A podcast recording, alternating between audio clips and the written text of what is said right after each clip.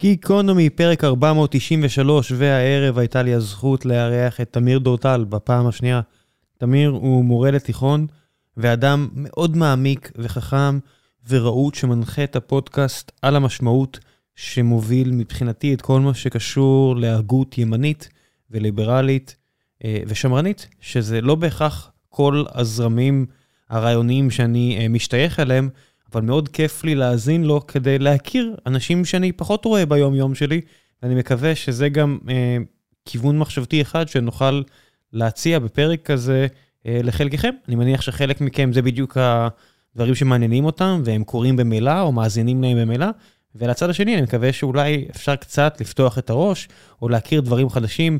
אני מניח שחלק מהדברים שאמרתי או אמרנו פה בפרק יכעיסו אתכם, או שאתם מאוד מאוד חלוקים עליהם, וזה בסדר. גם קשקשתי לא מעט, וכיף לדבר עם אנשים כמו תמיר, ופשוט אה, להיכנס לאיזה זרם תודה, ולא כל דבר שאמרתי, אני מניח שהוא... אה, חשבתי עליו לעומק. אה, אז אם יש לכם מחלוקות, או שאתם רוצים לשלוח תיקונים, או שבא לכם לחדד איזשהו משהו שנאמר ואתם לא הכי מסכימים עמו, אני אשמח לשמוע בתגובות, אם זה בטוויטר, פייסבוק, באימייל שלי, שאני מפרסם תמיד את הכתובת שלו. או לתמיר, יש לו גם את הפודקאסט שלו ותשלחו אליו, הוא מאוד מאוד זמין. ולפני שנגיע לפרק עצמו, אני רוצה לספר לכם על נותני החסות שלנו. פודקאסט בשם האקדמיה לקנאביס רפואי. זו יוזמה של האקדמית עמק יזרעאל, חלוצה בתחום של כל מה שקשור ללימודי קנאביס רפואי. כחלק מהתואר הראשון מדעי ההתנהגות, הסטודנטים לומדים ומתנסים בחשיבות הרפואית, מחקרית, העסקית והטכנולוגית של הקנאביס מימי ההיסטוריה ועד היום. בתוכניות של האקדמיה לקנאביס רפואי תוכלו לשמוע את האיש שעומד מאחורי פריחת הסקטור הקנאביס בישראל, פרופסור רפאל משולם, במה שיכול להיות אחד הראיונות האחרונים בחייו. מדובר בענק אינטלקטואלי, וכמובן שזה לא רק זה, אלא שלל נושאים אחרים. הפודקאסט זמין בכל הפלטפורמות, ספוטיפיי, גוגל פודקאסט, או כל באמת אפליקציה שאתם משתמשים בה, אפל, מה שאתם לא רוצים. חשוב לציין שהפרקים מרתקים, אני אומר לכם את זה ברמה האישית, מביאים זווית אחרת ומעניינת על קנאביס רפואי. יש פרק על קנאביס בהיסטוריה של ארץ ישראל, וקנאביס כחלק מתרבות הרסטפארי. וכאמור, אה, רעיון אדיר עם פרופסור משולם שגילה את ה-THC וכל כך רציתי לארח אותו בגיקונומי, ואני לא יודע אם זה יצא, אבל זה לא נורא, כי יש אותו בפודקאסט הזה ובשלל מקומות אחרים, אל תפספסו, זה באמת מישהו שהוא מדהים שהוא ישראלי. Uh, החומר הפעיל בקנאביס, הוא זה שגילה אותו. והרבה מהמחקר העולמי כיום זה בזכותו. אז תגיעו, תאזינו לאקדמיה לקנאביס רפואי, מבית היוצר של האקדמית עמק יזרעאל, ותהנו.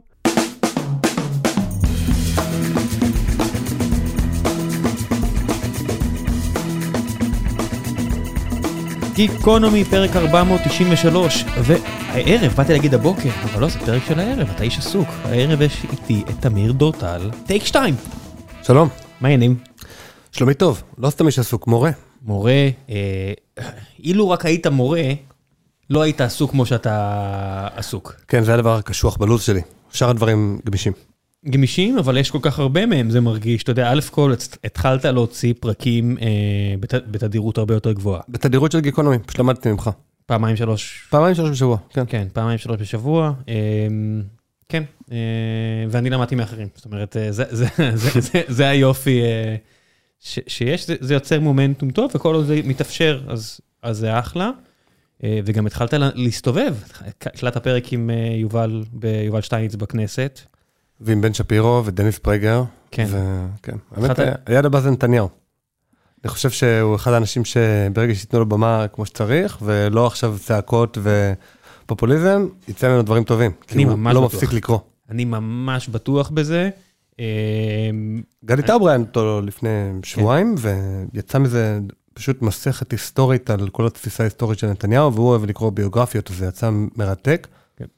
האזנתי, אני מכיר, וכיוון שאני גם מאוד מאוד אוהב ביוגרפיות, נורא רציתי uh, לשוחח עמו, ואפילו מישהו uh, שנורא נורא קרוב אליו, uh, סיפרתי את זה כמה פעמים, ניסה לעזור לי, ופעמיים זה כבר עמד לקרות, ופעמיים הוחלט ברגע האחרון שלא. בסדר, אני גם יכול להבין למה לא, את השיקולים, אני חושב שלך יש סיכוי הרבה יותר טוב מלי לקבל אותו. העיקר שיתראיין, אני חושב שזה חשוב, ובמה של פודקאסטים היא במה שטובה לו, ואני חושב שבכלל, באופן כללי, הקשב שמגיעים אליהם, אליו בפודקאסטים הוא קשב שיכול מאוד לעזור לפוליטיקה הישראלית, ושמתי לב לזה כל פעם שראיינתי פוליטיקאי, יצא ממנו דברים הרבה יותר טובים ממה שבדרך כלל יוצא, נגיד, עם גלית דיסטל אטבריאן, שראיינתי אותה שבוע שעבר, איזה פידבקים אני מקבל, ורק פרסמתי את הפרק אה, שלשום, על זה שפתאום היא יוצאת כנגד פוליטיקת הזהויות. פתאום יוצאת כנגד אפליה מתקנת, שזה שני הדגלים שלה, פתאום היא אומרת בפודקאסט שלי, לא, אני דווקא נגד זה, אתה יודע מה, אני, אומר, אני רק בלהט הרגע אומרת את זה מרוב הכעס שלי על המערכת, אבל בעצם אני נגד. אתה אומר, אוקיי, וואו. כן, המדיום הזה של אה, טוויטר ו...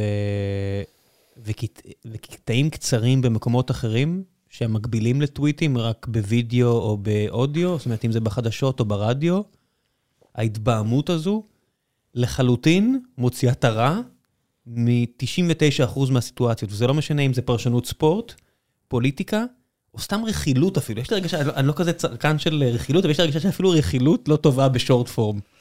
יכול להיות. האמת היא שזה אחד הדברים היחידים שאני מסכים עם אה, דוקטור מיכה גודמן בספר החדש שלו, מהפכת הקשב. שהוא בעצם אומר שהמדיום הוא המסר. המדיום של טוויטר הוא יוצר מסר של אה, פוליטיקאים מאוד אלימים, מאוד ציניים. לא רק פוליטיקאים, אני לא, אני לא, גם לא יוצא שם טוב, אז אה, אני לא מחריג את עצמי משם. זה מדיום שיש בו משהו מאוד ממכר וכיפי, הוא לא מטיב עם השיח או עם, עם הנוגעים בדבר, הוא פשוט מאוד מאוד נוח. לא יודע, אני מתרחק מטוויטר, מספיק לי התמכרות לפייסבוק ו... כן, ברור שהחלפתי אחת בשני. ברור שהחלפתי אחת בשנייה. אה, זה סוג של מתדון. יש פה, יש פה את המרפאת מתדון. אה, מה זה מתדון? מתדון זה תחליף הרואין. מתדון, אה, לעניות דעתי, זה פשוט דרך לגמול אנשים מהרואין ולהביא להם סם מספיק דומה, אבל פחות הרסני, בדרך לגמילה מלאה. אם אני מקווה שאני לא חוטא פה לאמת, אם אני לא טועה, זה העניין. אם אני לא טועה, זה פה לא רחוק מפה. ואני רואה את החבר'ה... גמורים.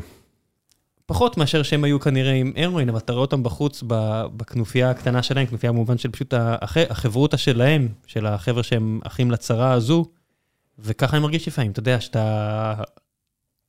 אתה מכניס את עצמך לעניין הזה, וזו התמכרות שאני מניח שרוב האנשים מודעים לכמה שזה...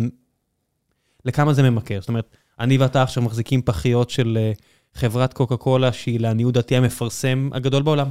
שמשקיעה מיליארדי דולרים בשנה בלמכור לנו את הרעיון של קוקה קולה, אמ, וזה גם טעים, ואני מבין שזה מאוד מזיק, זאת אומרת, אני פה עם דיאט, אתה הלכת עד הסוף פה על, על הסוכר, אני מבין שזה מזיק, ואני עדיין עושה את זה מדי פעם, והקו הזה בין פטרנליזם לבין תעשו מה שאתם רוצים, הוא משהו שתמיד אני מוצא את עצמי רוקד סביבו. אני חושב שגם הרבה ליברלים רוקדים סביבו, ליברלים במובן הקלאסי של המילה, במובן של ליברליזם קלאסי, של פשוט מינימום של התערבות ממשלה ותנו לחיות לחיות. וזה קורה בגלל שהממשלה אומרת לנו, אני מממנת לכם באופן אה, חינמי את הבריאות. וכל פעם שמישהו מממן לנו משהו, אז הוא גם לוקח מאיתנו את האחריות לשמור על אותו דבר. זאת אומרת, אם אני אחרי, עכשיו אחראי על כל ההוצאות שלך, אז יש לי עכשיו say לגבי כל ההוצאות שלך. אז מצד אחד אתה תגיד לי תודה, אבל אני חושב שבתור אדם שבריא בנפשו, אתה תגיד לי בסופו של דבר, שחרר אותי, אני דואג לעצמי מספיק טוב, ואני לא רוצה את כל השליטה שלך. והמדינה, שדואגת לנו לרפואה חינם, אז היא אומרת לנו גם אחר כך, אולי תצאו פעמיים אה, בשבוע לעשות כושר, ואולי תפסיקו לצרוך משקאות אה, מתוקים, ואולי גם תעשו עוד כמה דברים שיהיו לבריאות שלכם. והאמת היא שבסין כבר עושים את זה. זאת אומרת, יש... אה, מה זה כבר? מהפכת התרבות של מאר, ובווייטנאם שאתה יכול לראות מאות אלפים על הים קופצים אה, על החול, כן? נכון, אבל אה, היום אפשר לעשות את זה באמצעים דיגיטליים שהם הרבה הרבה יותר אפקטיביים, ובאמצעות צבירה של, אה, אני לא זוכר את המושג המדויק של זה, זה נקרא הון חברתי או משהו. כן, כל הניסויים שלהם של מראה שחורה רק באמת בסין. כן, וממש עוקבים אחרי אנשים, ובעקבות אה, כמה פעמים הם יוצאים לספורט בשבוע, ואיזה מזון הם צורכים, וממש יודעים בסין איזה מזון הם גם קונים במכולת, אז הם מקבלים את הנקודות החברתיות האלה, ואז עם הנקודות החברתיות האלה, עוקבים אחריהם. ו- וכל אחד יודע כמה נקודות יש לה לו וכמה יש לחברים שלו, וזה מין משחק תחרותי מי הכי חברתי, מי הכי בעצם אה, מהווה, לא מהווה עול על החברה ומי כן מהווה עול לחברה. והדברים האלה לאט לאט, שוב, אני מזהה פה תהליכים, מגיעים אלינו. כי המדינה נותנת לנו מלא דברים חינם, ואז היא אומרת לנו, שנייה, יש payback time. אני רוצה שתפסיקו לצרוך אה, קולה, אני אעשה לכם איזשהו מס. קטן, אבל מציק. כן, זה, זה נכון, אה, בסופו של דבר, מה הערכים על פיהם אתה חי? אני מוצא את עצמי הרבה פעמים אה, מתעצבן מאוד, שעוברים על ערכים בסיסיים לשם מטרות קדושות כאלה ואחרות, ואז אני מוצא את עצמי... למה אתה. מתכוון? אני אתן לך דוגמה. אה, נורא מעצבן אותי, וחטפתי על זה הרבה ש- בטוויטר, שמקצינים את כל מה שקשור להשפעת אה, קורונה בקלות, כדי לשכנע אנשים להתחסן, וגם רופאים לוקחים בזה חלק. זאת אומרת, למשל יעשו סקר בארץ בקרב 14,000 הורים, לבדוק אה, תסמינים של לונג קוביד, ורואים שאחוז, שניים מההורים אומרים, אה, עד 4% בילדים בני 18, שיש תסמינים ארוכי טווח. אה, בלי בושה, הכתיבו בעיתון, אחד משבע ילדים יסבול מזה. אוקיי, אחד משבע זה 15 אחוז. כן, אבל האם זה פי 4, פי, חמ... פי 15? מה זה משנה? זה העיקר להעביר את הנקודה, ואתה שואל רופא, אז אין לו בעיה. זאת אומרת, ואז אני, אני אומר, העניין הזה, ואז אומרים לי, כן, אבל לא היה קבוצת ביקורת במאמר שאתה מציין. אני אומר, כן, אבל בלי קבוצת ביקורת זה רק, קבענו פה רף עליון. זאת אומרת, יכול להיות שחלק מהאחוז עד 4 אחוזים שצוינו שם, תלוי בגיל, חולים בגלל משהו אחר, כי זה שפעת ולא קוביד, כי זה דלקת ריאות ולא קוביד, כי זה חס וחלילה דברים איומים ונוראים עוד יותר ולא קוביד. אז יש פה חסם עליון, זה מקסימום כאלה, כי מי שבריא היה אומר שהוא בריא. אז אומרים לך, כן, אחוזי הענות. לא, 94 אחוזי הענות. זה פה בארץ עשו את הסקר הזה. ובלי בעיה, ישקרו למען המטרה. ואז אני אומר, ברגע שהתמכרת לשקר, לא תהיה לך בעיה לשקר גם על משהו אחר שאתה מרגיש שהוא נכון. זה יכול להיות פעילות ביטחונית, זה יכול להיות פעילות כלכלית, זה יכול להיות סוכר, זה יכול להיות מה שאתה רוצה. ברגע שהתרגלת לפטרנליזם כזה של אני יודע יותר טוב מהאדם הקטן, אני אחליט במקומו באמצעות דמגוגיה ורטוריקה שהיא לא מבוססת אמת. אני מאוד מפחד מזה. אפשר לומר שאולי זה הכי בעייתי כשזה מגיע לקביעה של המדיניות של הכנסת. זאת אומרת, מגיע אותו אה, פרופסור אה, ארדון רובינשטיין בשבוע שעבר לוועדה של הכנסת, והוא היה בעבר אה, נשיא האגודה הישראלית לסוכרת. ושואל שואל אותו היושב ראש של הוועדה, "ת- מי שלח אותך? כתוב לך פה החברה למשקאות, החברה המרכזית למשקאות קנים. אז הוא אומר, לא, לא, אני לא שלחתי אף אחד, אבל שנייה, אתה תקבל כסף איכשהו מהאירוע פה שאתה תהיה ואתה תיתן את חוות דעתך? אז הוא אומר, יכול להיות, אם אני אהיה טוב אני אקבל. אז שוב הוא שואל אותו ושוב הוא שואל אותו. כן, זה פעם אחר פעם, והוא פשוט מתעלם מזה. הוא מתעלם מזה. עכשיו, זה מראה אחת הבעיות הכי חמורות בדמוקרטיה הישראלית. זה שהכנסת, בניגוד נגיד לסנאט בארצות הברית, לא יכולה להשביע אנשים שבאים לתת עדות מומחה בפניה.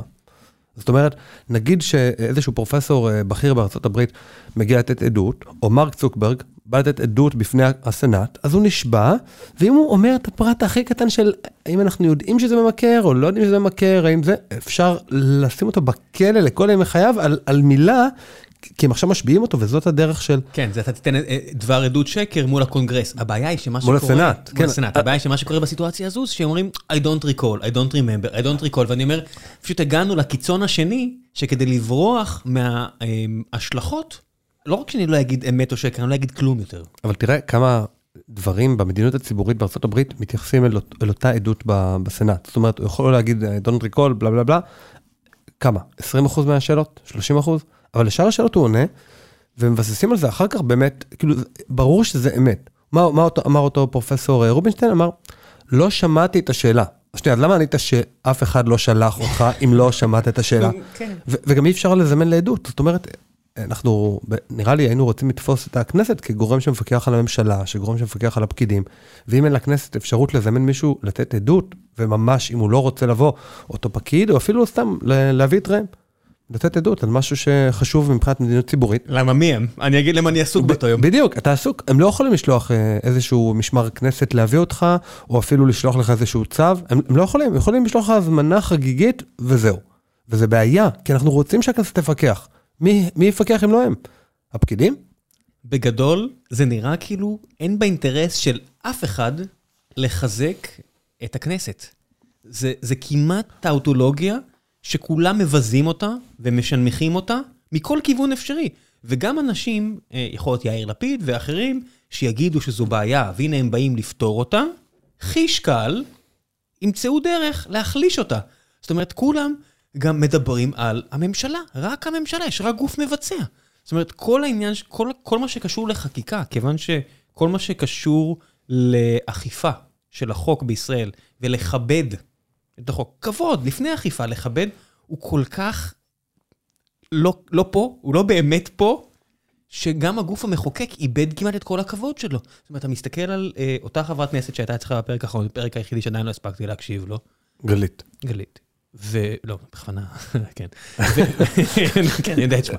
ורוב, אה, ורוב עיסוקה, זה מרגיש לי כמו פוליטיקה קטנונית, שאני אומר, בוא'נה, יש לך תפקיד חשוב. את מחוקקת במדינת ישראל. לכל הפחות, תתחילי להעיף חוקים. עזבי לחוקק חדשים, בוא נתחיל להעיף את החוקים שאף אחד, שלא אוכפים אותם. לבטל. כן, קדימה. אבל היא לא יכולה, אין לה רוב. כן, בוא אתה תראה, מבין, זה הכל נהיה, זה- זה זה נהיה הכל משחק כזה שאני אומר, זה מתחיל בסוף מהעניין של כבוד. זה מתחיל בסוף, בעניין של, אני חושב שגם אני כמורה יודע את זה, ובטח גם אתה כמנהל יודע את זה. אם אנחנו ניתן הרבה מאוד הוראות, ההוראות שלנו יפסיקו להיות חשובות. ואנחנו צריכים לבחור בקפידה בדיוק על איזה דברים אנחנו מעירים. צריכים להעלים עין מהמון המון דברים. ואם הכנסת תחוקק את עצמה לדעת, כמו שהיא עושה היום, כל חבר כנסת אה, בא ומראה, אני חוקקתי 17,000 חוקים. אוקיי, כן, דב חנין היה כאן, התגאה בזה שהוא חוקק 40 ומשהו חוקים. יופי, כמה מהם נאכפו? כמעט אף אחד. למה? דבר ראשון, כי רוב החוקים, לפחות של דב חנין, דורשים תקציב, ותקציב זה משהו בסוף מוגבל, בעולם של משאבים מוגבלים, אי אפשר uh, לבוא ולעשות uh, כל ילד יקבל פוני, כי פשוט אין מספיק פונים בעולם. אני חושב שחלק מהחוקים שלו כן, כמו למשל אה, מישהו שמתלווה לעיוור לסופר או דברים כאלה, אני חושב שזה כן אה, תוקצב וכן, לעניות דעתי, בטח זה נזרק באחד מחוקי ההסדרים לאחר מכן, אתה יודע, כן, הוא מנקים ש- שולחן. אין אימפקט. לא מדברים על מה האימפקט, מה, מה המילה בעברית לאימפקט? אה, אימפקט. אימפקט, כן, אוקיי, אז מה, מה המשמעות של כל חוק, ואם זה בכלל חוק טוב או לא טוב, המדיום נהיה העיקר, כמו בספר של מיכה גודמן, של טוויטר, של חוקקתי, עשיתי, נלחמתי.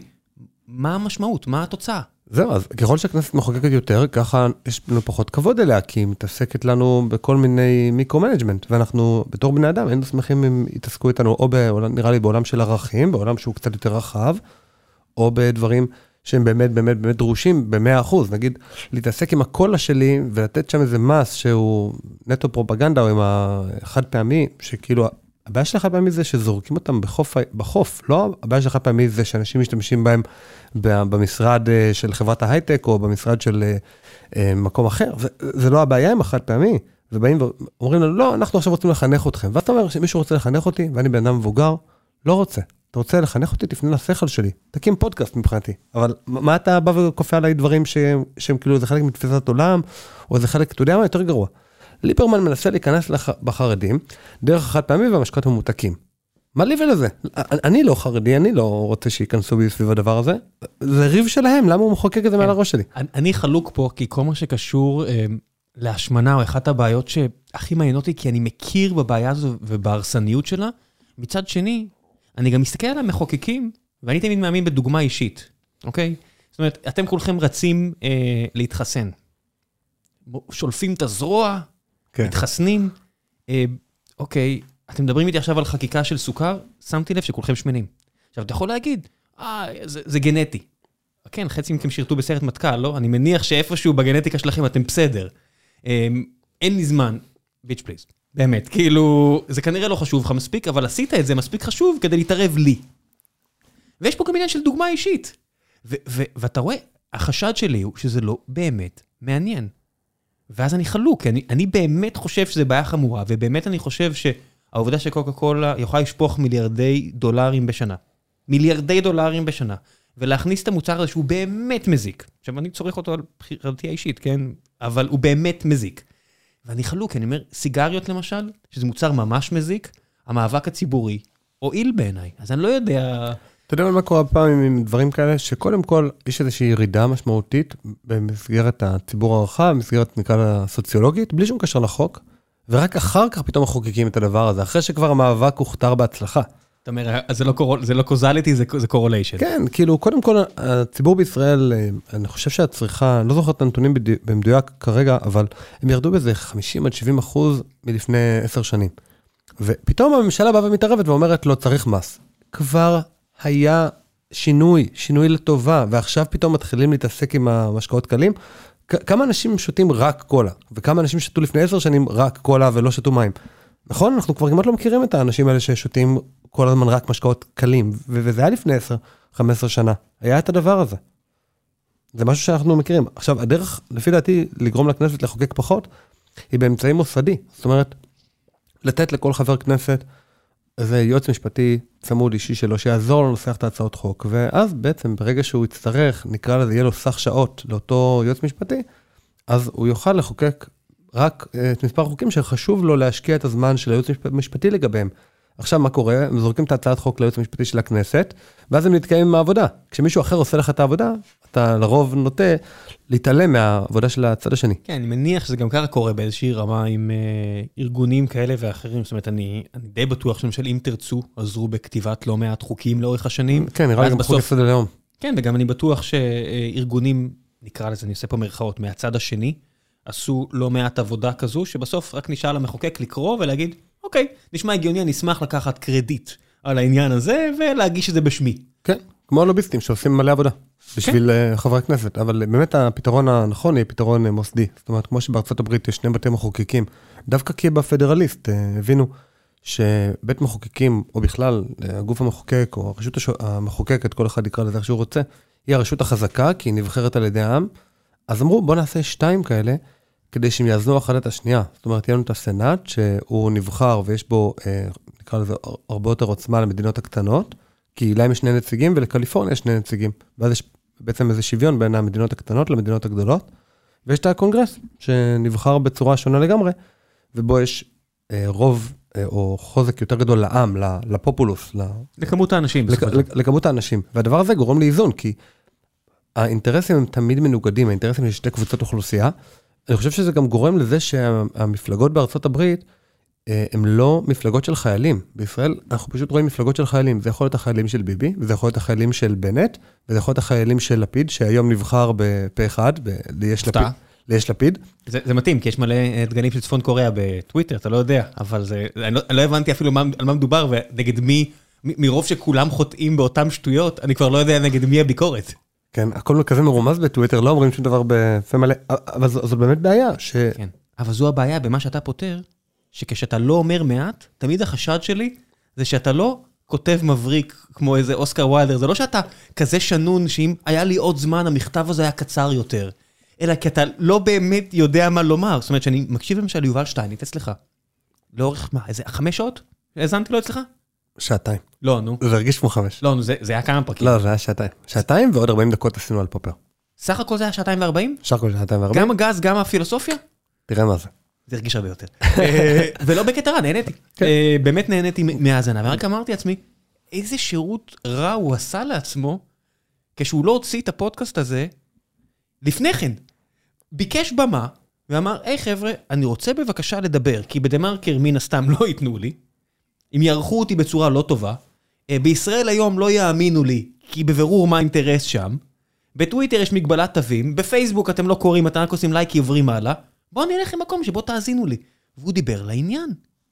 הוא דיבר לעניין. היה לי מאוד מעניין להקשיב לזה. לא, אני כמעט לא מסכים, נקרא לזה, עם שום דבר שהוא עשה, אבל אני... שום דבר שהוא עשה. לא, אני, אני, עם שום דבר שהוא עשה, בתחום הגז אני לא מסכים, אבל אני ממש מאושר על זה שהוא בסוף הצליח לעשות את מה שהוא עשה. אני יודע שזה נשמע כמו איזה פרדוקס מטורף, אבל ועדת שישינסקי שהעלתה את המס האפקטיבי מ-20% ל-60%, והכל, אתה יודע, על פי זה שהוא מצץ את האצבע, שם אותה ברוח, ואמר, שנייה, לא- לאיזה כיוון נושבת הרוח, כמה, כמה אחוז האחוז צודק, וזה מה שהוא עשה. הוא אמר, שנייה, במדינות המערב, כמה אחוז? אוקיי, נעשה בערך כמו המערב, אולי טיפה יותר, טיפה פחות. וזה מה שהוא אמר לוועדה, שאלתי אותו, אם היה לך מראש את התשובה הנכונה שזה 60 אחוז, למה צריך ועדה? תשמע, תראה, צריך מומחים בדיוק שיגידו איך למסות, האם למסות מהרווח או לא למסות מהרווח, ושייתנו לי איזושהי הצדקה. כן, הוא רצה להגיד בכל מקום שהוא הלך ליוג'ין קנדל. הוא רצה להגיד שהוא הלך לכל מיני חבר'ה חכמים כדי לעשות name dropping, וזה בסדר, כי זה חבר'ה באמת חכמים. אבל הוא קבע להם מראש את ה-60 אחוז הזה, וזה רטרואקטיבי, זאת אומרת, בא לכאן תשובה, שגדל בפחונים של נתניה כנראה, אה, בסדר. לא, השקיע מיליארדים בחיפושי גז, לקח סיכון אישי בלקנות את הדבר הזה, את הרישיונות, ואז אחרי שהוא מצא, אז אתה יודע, כמו שאבא שלי, שאני מאוד מכבד אותו, מה הטיעון, למה מותר להעלות את המיסוי אחרי שמצאו? רצינו שהם ירוויחו, אבל רצינו שהם ירוויחו, אבל לא רצינו שהם ירוויחו כל כך הרבה. מה זה הדבר הזה? מה אכפת לך? לי? כן. אני, רוצ, אני אוהב את מדינת ישראל, אני רוצה שהיא תשגשג, ואני חושב שהדבר הזה הוא הדבר הכי גרוע שיכול להיות, שהמדינה באה רואה איזה יזם, אה, אתה מרוויח יותר מדי. מה זה להרוויח יותר מדי? הבן אדם הזה מרוויח, יופי. אם החברים המוצלחים שלו, ובדרך כלל ליד אנשים מוצלחים יש עוד אנשים מוצלחים, יראו שבמדינה הזאת היא יודעת לכבד את שלטון החוק. ושלטון החוק זאת אומרת לא להתערב ולא לחוקק רטרואקטיבית, אז אה, החברים הטובים שלו יבואו. אני מאמין חזק ב- באבולוציה, ובסופו של דבר אה, אתה יכול לטעון, יש פה היפותזה.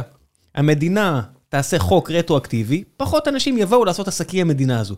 אז אני אומר, אני חווה... אני אומר את זה. אז אני אומר, אני, אני מתעסק הרבה עם החברות הגדולות בעולם, אני לא אכנס פה לפרטים יותר מדי עסקיים, אה, מן הסתם, כי זה לא יהיה טוב לי בשום צורה, אבל הרבה מההתנהגויות שלהם, וגם שלי, זה, המשפט יכול להיאמר, אבל היה לנו עסקה. ובתשובה תקבל, אוקיי, סואס. עכשיו, אתה יכול להגיד, אני לא אעשה איתם יותר עסקים. ואני אומר, אם לצאת מעסקה טוב יותר מאשר להישאר איתה, אני כאזרח המדינה בעד. למה? מה זה עסקה? מה זה תורה? כאדם דתי, לך יש קדוש. יש קדוש. אתה יכול להגיד, אה, קארו כותב שולחן ערוך במאה ה-16 בהשראת הבריאה, ואתה יכול להגיד לוחות הברית זה הבריאה בעצמה הביאה, קדוש, נכון? אין לחלוק על זה, קדוש. אני חושב, לי, כאדם אתאיסט חילוני, אין קדוש. גם הסכם מסחרי. אם אני מוכן לעמוד במחיר של הפרת ההסכם המסחרי, לא קדוש. ואני אטען שבאקלים הנוכחי, תפר. למה? יש פה גז, הם לא יבואו להוציא אותו מה, מהקרקעית הים בשביל, בשביל הרווח שלהם? אם, אם השרה תגיד לא, אז באמת לא. אתה האזנת לפרק ואתה יודע... האזנתי. ש... שנייה, שנייה, אתה יודע שבסופו של דבר שטייניץ אה, איים עליהם בהפקעה אם הם לא ישקיעו. זאת אומרת, שטייניץ כל כך הכביד עליהם את המיסוי, ואחר כך במתווה הגז אסור לייצא. ואסור לעשות ככה, וצריך uh, הסדר עם איזה שבעה רגולטורים, והרגולטורים uh, לא, לא משריינים את ההחלטה שלהם וכו' וכו', שבסופו של דבר מה שעשתה החברה, היא ישבה על הגדר, והמתינה למרות שכל חודש המתנה זה כנראה עשרות מיליונים. בסוף שטיינית התקשר להם, אמר להם, תקשיבו, אני עוד רגע מסיים את הקדנציה, אתם או עכשיו מחליטים להשקיע ולפתח, או שאני מפקיע את זה מכם. זה איום באלימות, זה איום מאפיוזי. מה רע באיום באלימות? או, אני נגד אלימות, לא יודע, אני ליברל, נגד אלימות. אני מבין. עכשיו, כשאתה מדבר על שתי חברות שעכשיו כורתות עסקה אחת עם השנייה, אז הן לא מפעילות אלימות אחת על השנייה, ובאמת גם יש להן זכות לתבוע אחת את השנייה. אה, אה, כנגד המדינה, מה תגיד למדינה? החוק שחוקקת הוא מה? הוא לא חוקי? הרי במדינת ישראל, ש- שבתי המשפט, אה, אנחנו יודעים על ידי מי הם נשלטים, והם נשלטים לא על ידי חבר'ה שבדיוק מכבדים אחר בזכויות קניין. אה, אני נגד הקביעה הזו, שיירשם לפרוטוקול, תמשיך. אוקיי, אז אה, אה, איך תתבע בדיוק? ר- רצו שהמתווה ישוריין, ואז רובינשטיין אומר, לא ישוריין, המדינה תוכל תמיד לשנות את המתווה.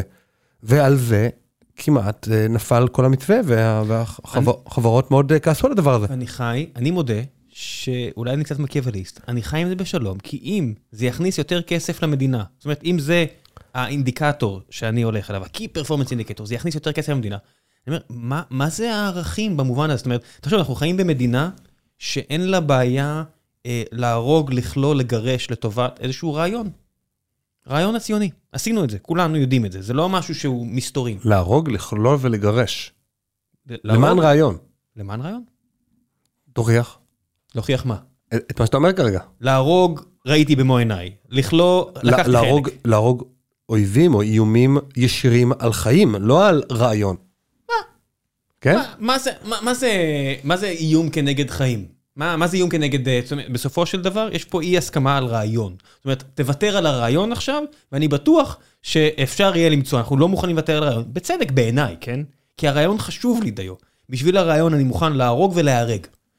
אז, אז על, תגיד לי, על, על תשובה וגז אני, אני אתחיל אה, לשחק פה על עקרונות קדושים? לא. אני, אני, זה, זה סוג של מקיאווליזם כזה, של על מה אתה עושה, אבל כל עוד אתה מתקשר בצורה ברורה על מה עשית את האופטימיזציה, למשל כמו עם הציונות. אני מוכן לעשות דברים שהם בעיניי למשל לא מוסריים, כי הרעיון, כי זה משרת את הרעיון. זאת אומרת, משה שרת לעומת בן גוריון, לא יודע מה. משה שרת היה אומר, לא יעלה על הדעת, אנחנו לא עם של אה, שודדים וגנבים, איך אתם מתנהגים? ובן גוריון אמר, מדינה בכל מחיר, חבוב. אני חושב שקודם כל צריך לחיות כדי לממש ערכים, ואם אתה לא חי, אז אין לך שום אפשרות לממש ערכים. זאת אומרת, זכות ההגנה העצמית היא אולי הזכות הראשונה, אפילו לפני זכות הקניין. לא שם אותה כזכות הראשונה, את זכות הקניין, אולי לפני הזכות לחיים או במקביל אליה, כי הוא הבין שלאנשים כל כך חשוב הקניין שלהם, שהם היו מוכנים לסכן את החיים על מנת להגן על הקניין. רעיון? ו- מה הכוונה? זה, זה בדיוק, אם אתה מוכן למות על קניין, זה אומר ששמת רעיון, חפץ, מעל החיים. אתה מבין? זה בדיוק, אנשים אומרים לי, קדושת החיים. לא, עובדתית, אנחנו מוכנים לסכן את חיינו על חפצים. על, על רגבי אדמה. או על כבוד, או על מלא דברים. כן, בשלב מסוים אני, אני כבר לא בצד הזה, בצד הזה אני אומר, אוקיי, אתה מטומטם.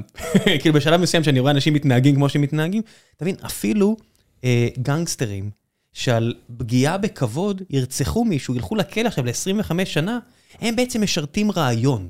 מה הרעיון שהם משרתים? שאם מישהו עובר, את, עובר על הקוד האתי של חיי הפשע, הוא חייב לשלם. מבין, הבן אדם מוכן לשבת בכלא 25 שנה. על קוד אתי של על... ארגון שמוגדר כרוע. עזוב, עזוב, ארג... עזוב ארגון אפילו, על איזושהי תפיסה ערכית, שמבחינתו הוא הלשין, הוא חייב למות. אתה, אבל אתה בכלא, אין לך יותר חיים, אתה בכלוב כמו איזה עכבר. כן. על אבל, רעיון. אבל בוא נחזור רגע לפונקציית כן. מטרה שלך, שהיא מאוד מדאיגה אותי. הפונקציית מטרה שלך בהסדר הגז היה כמה שיותר כסף למדינה שווה יותר טוב. למה? זה בבירור לא, כי בגז, בגלל שהגז הוא הרבה יותר בריא מפחם, זאת אומרת, זה צורת, אה, אה, יצירת אנרגיה שהיא הרבה יותר אה, טובה לאזרחים מאשר פחם, אז דבר ראשון, שיהיה גז. דבר שני, למקסם את הכסף אה, ביצירתו.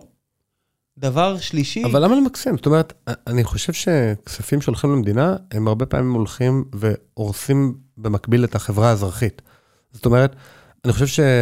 כמעט כל דבר שנעשה על ידי המדינה נעשה פחות טוב מהחברה האזרחית ובצורה גם פחות בריאה.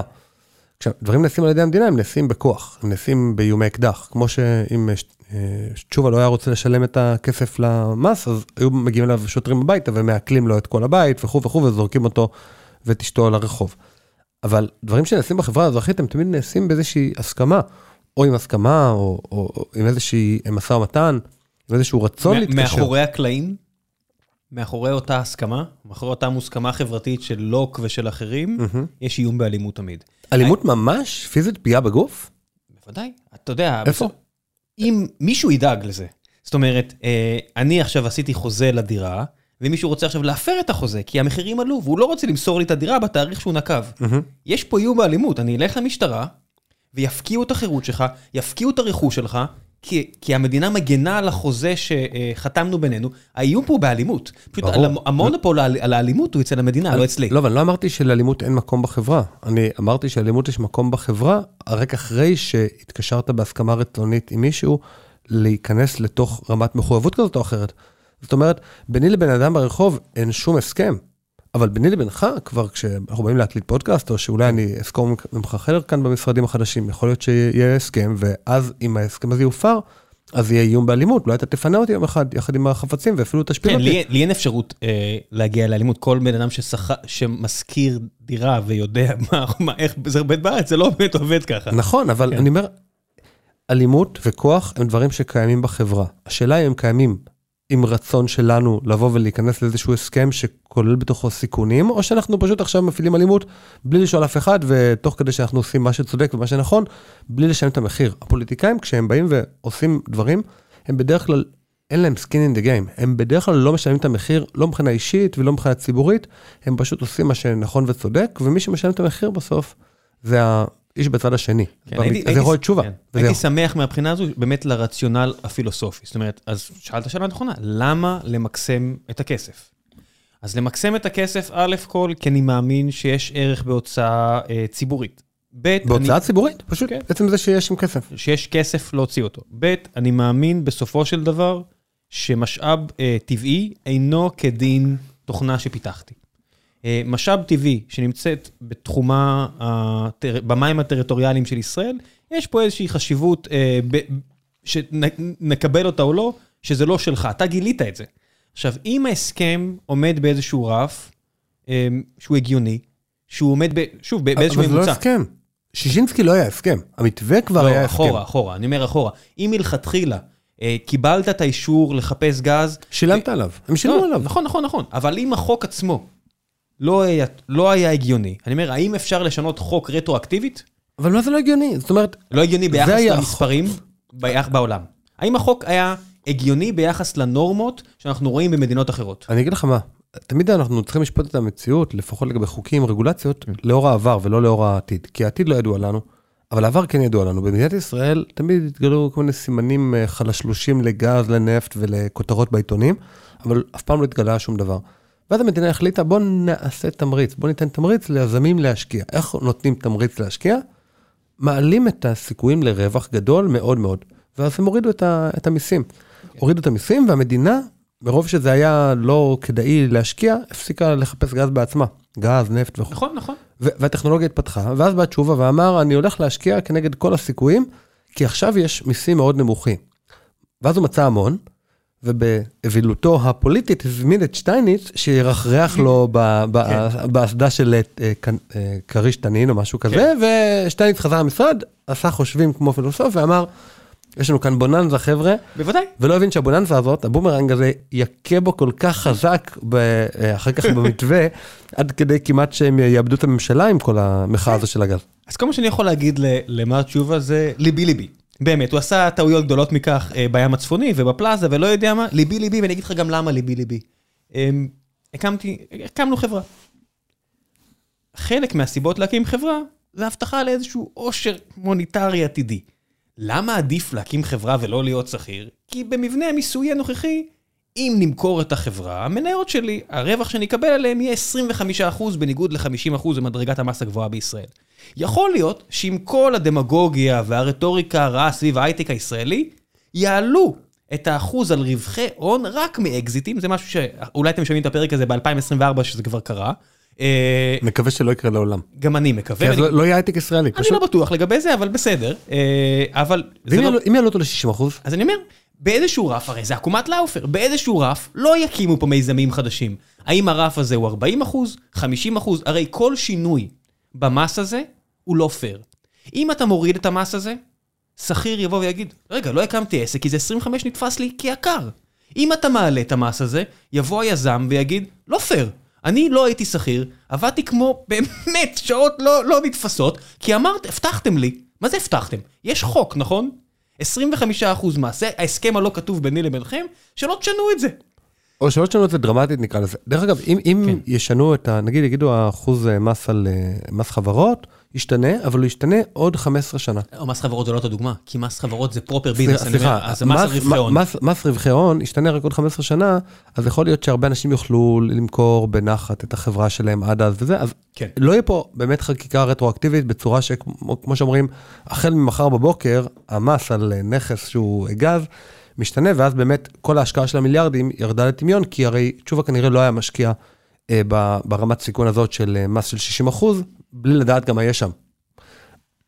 ועם זה אין לי הרבה בעיה, עם, עם העלאה כזאת של מס רווחי הון או משהו, משהו כזה. זה כבר לא חקיקה רטרואקטיבית וזה לא פוגע בעיקרון שלטון החוק.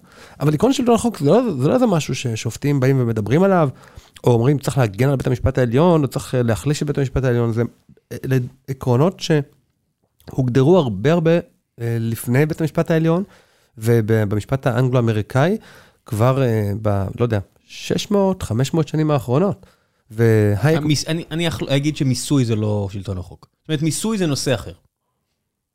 בכלל, מס הכנסה זה מס שקיים לא יותר מאשר 100 שנים. כן. וגם אז אמרו שהוא יהיה רק איזה אחוז, אחוז וחצי, שניים בארצות הברית בהתחלה, ואמרו, ואז אותם אלה שביקרו את, ה, את מס הכנסה כי הוא לא הוגן, כאילו למה שהמדינה בכלל תיכנס לי לפרטיות שלה, כמה אני מכניס. אה, יש איזה פרק ממש מעולה ב... כשבגרוש היה חור, שהם, והם עשו את זה עם שנקל, אם אני זוכר נכון, עם הפודקאסט שלי, עידן ארץ ורועי גרון, שמדברים על, מה, על כל מיני ניסים ב, לאורך ההיסטוריה. ומדברים על זה שמרוב שהפרטיות הייתה ערך חשוב, והיום הוא כל כך נפגע, אז היה פעם מס, במקום מס הכנסה, מס על החלונות של הקדימה של הבית, ועל פיו מיסו את הבתים. ובאמת בהולנד אנחנו רואים את ההשפעה של זה, מה שנקרא חוק התוצאות הבלתי מכוונות. שהבתים בהולנד מאוד צרים, אבל מאחורה החצר האחורית היא מאוד מאוד מאוד רחבה, הבתים בנויים, הבתים בנויים כמו משולשים, כדי להתחמק מהמס הזה. כן, בוודאי. בסופו של דבר, אבל השאלה, ואני מסכים עם זה לגמרי, בסופו של דבר, השאלה היא, מה הם, על מה אתה עושה אופטימיזציה? המשפט הקבוע שלי. אני אומר, מה, על מה אתה ממקסם פה? האם אתה ממקסם על הכנסות, על אה, ערכים, על לא יודע מה. אני פשוט אטען שאם מדינת ישראל תחליט שהיא על אנחנו מכבדים את החוק כלשונו ב-100% מהמקרים, אני חושד שזה לא ייטיב עמנו אה, מהרבה סיבות שקשורות לרעיון הציוני. אני מאוד הייתי רוצה לראות את המדינה מתערבת לנו פחות בתחומים כמו אה, חינוך, תרבות, ספורט, הרבה מאוד תחומים שבלי המדינה אני חושב שהיינו עושים כן. הרבה הרבה יותר טוב. כן, חינוך למשל, אה, אתה יודע, כמורה, אתה יודע... זה כמורה. אני- כמורה אני אומר לך. כן, לא, אני אומר, אתה יודע את זה, גם שמעתי גם את הפרקים אצלך, זה, זה מצחיק שאתה אומרים חינוך, אה, ספורט, אתה יודע, תרבות, בוא, בוא נתחיל בחינוך, ונעזוב את כל השאר מבחינתי, כי זה כל כך בטל בשישים, גם בהוצאה וגם בהשפעה. נכון, ואם למדינה לא יהיה כסף לעשות את הדבר הזה, אז יפרחו פה כל מיני עמותות חינוכיות מימין ומשמאל, ואנחנו רואים איזה דברים טובים העם היהודי ידע לעשות במשך אלפיים שנות גלות. אה, אני יודע. לא היה, לא, אני אומר, לא היה אף אדם כמעט שלא יודע קרוא וכתוב לאורך אלפיים שנים בעם היהודי, שוב, בהשוואה ל...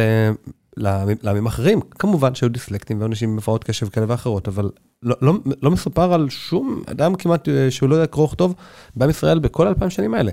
והנה כאן אנחנו במדינת ישראל 2020, פתאום יש לנו כיתה כזאת, וכיתה מקדמת כזאת, וחינוך מיוחד, וכיתה טיפולית, וכיתה של סריגה, ו... כן, אבל אתה הולך פה כבר, כמחנך בישראל, אתה מרגיש על בשרך את כל השטויות. אני מסתכל על דברים הרבה יותר מהותיים, כמו כמה מורים פוטרו בשנה שעברה? לצערי פחות מדי. חמישה? לא יודע, כנראה. חמ... כן. צר- צריך, אולי, אולי 5,000 צריכים להיות מפוטרים כל שנה, בשביל שהמערכת תתחיל להבריא את אז עצמה. אני אפילו לא אומר, בוא נקבע מספר, בוא רק ניתן את האפשרות למנהלים.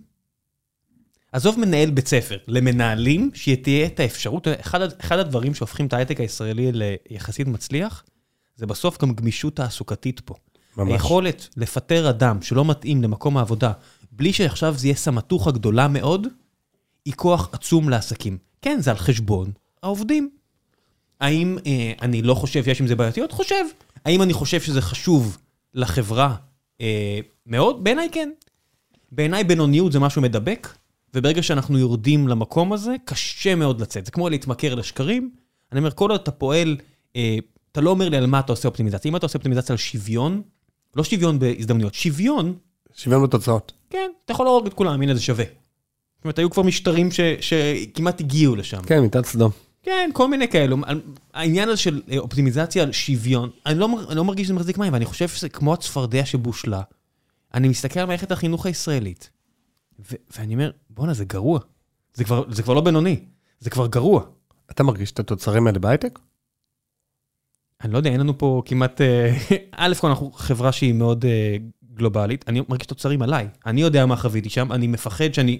לצערי, אני יודע מה גם בני יחווה שם, ו... וזה מצער אותי מאוד. יש לי חבר קרוב, רועי יוזביץ', שמגדל את הילדים לבד. זאת אומרת, הם נמצאים בבית כל היום, אה, חינוך ביתי, ואני מאוד מכבד את ההחלטה הזאת, כמובן שהיא גובה מחירים. אני חושב אבל שאחד הדברים שהכי חשוב להבין גם בכלכלה, גם במדיניות ציבורית וגם בכלל, זה שאין שום פתרונות, יש רק trade-off ים. זאת אומרת, אתה אומר, אה, אם מפטר עובד אה, בקלות זה טוב או רע, זה trade-off. זאת אומרת, זה trade-off בין אולי השמירה על אה, כבודו של העובד או משהו כזה, לבין חברה מתפקדת. עכשיו, כן, בוא נשים על לשון המאזניים, בוא נשים את האנשים. ותמיד יש לשון מאזניים, זאת אומרת אין שום צד שהוא רק או טוב או רע, וזה עכשיו איזה מין צ- צהלה וריקודים ברחובות, שזה נגיד אה, צעדים של הפרוגרסיביים, שהם רוצים שיהיה אה, אפשרות להתאגד וקביעות אפילו בהייטק, והם יצאו על זה לרחובות ויחגגו כאילו שהם הצילו את העולם, הם לא הצילו את העולם, יש כאן trade-off. וזה משהו שהרבה פעמים אה, מאוד קשה לשכנע בו אה, צעדים של מדיניות חברתית, להגיד, לא, לא, יש, יש טוב במה שאתם מציעים, אבל יש גם רע, בואו רק תראו את הרע, זאת גישה שדורשת איזושהי אה, בגרות. ומה לעשות, רוב הציבור אין לו את הפנאי בכלל להתעניין בכל הסוגיות האלה שדורשות בגרות. כן, אני חושב שהרגילו אותו למ- למעט מדי, וכשאתה מרגיל כל יצור חי, הוא מתרגל. בסופו של דבר, כשאתה מרגיל לשיח רדוד ולהחלטות שמוצנחות אליך, אתה ראש קטן. העניין הזה של אין פנאי, זה כי אני חושב שטמטמנו את עצמנו. זה בדיוק דיברנו פה לפני, שאלת אותי על הפדרליסט, אמרתי שקשה להתמודד עם טקסטים כאלה.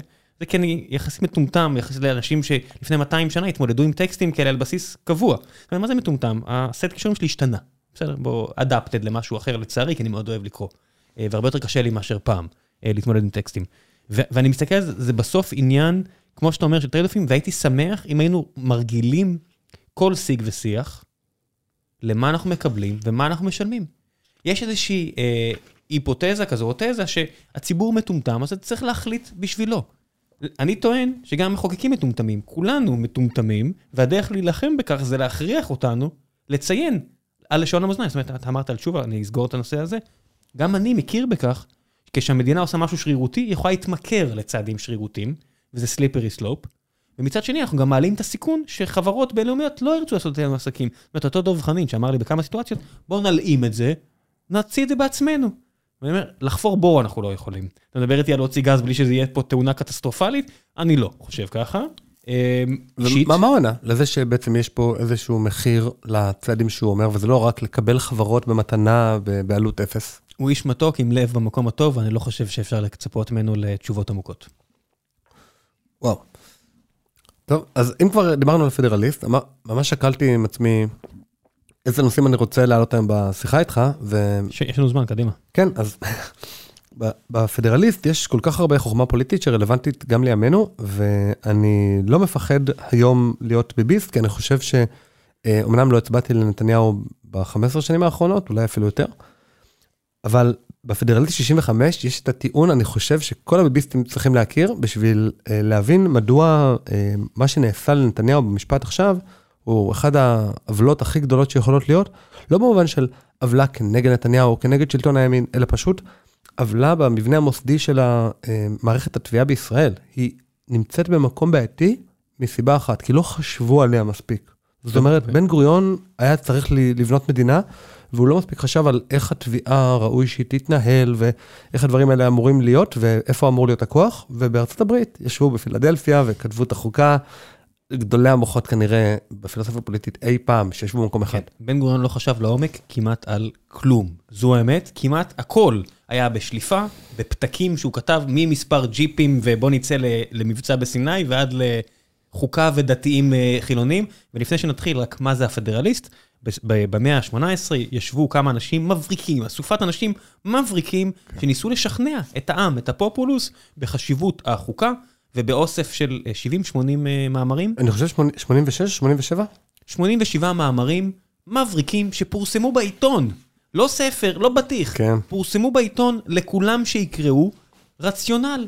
הם שמו שם את הסיבות שלהם שבגינן מדינת ארה"ב צריכה חוקה. הם ניסו לשכנע את העם בחשיבות של חוקה, ומדובר פה על האבות המייסדים של המדינה. כן, אז אה, מי שכתב את הפדרליסט 65 זה אלכסנדר המילטון, שגם היה שר האוצר הראשון של ארה"ב, והוא גם היה אה, ניו יורקר, ובאמת המאמרים האלה פורסמו בעיתונים בניו יורק, כי ניו יורק הייתה אגוז הקשה לפיצוח. כי אם ניו יורק לא הייתה מאשרת את החוקה, אז לא הייתה חוקה.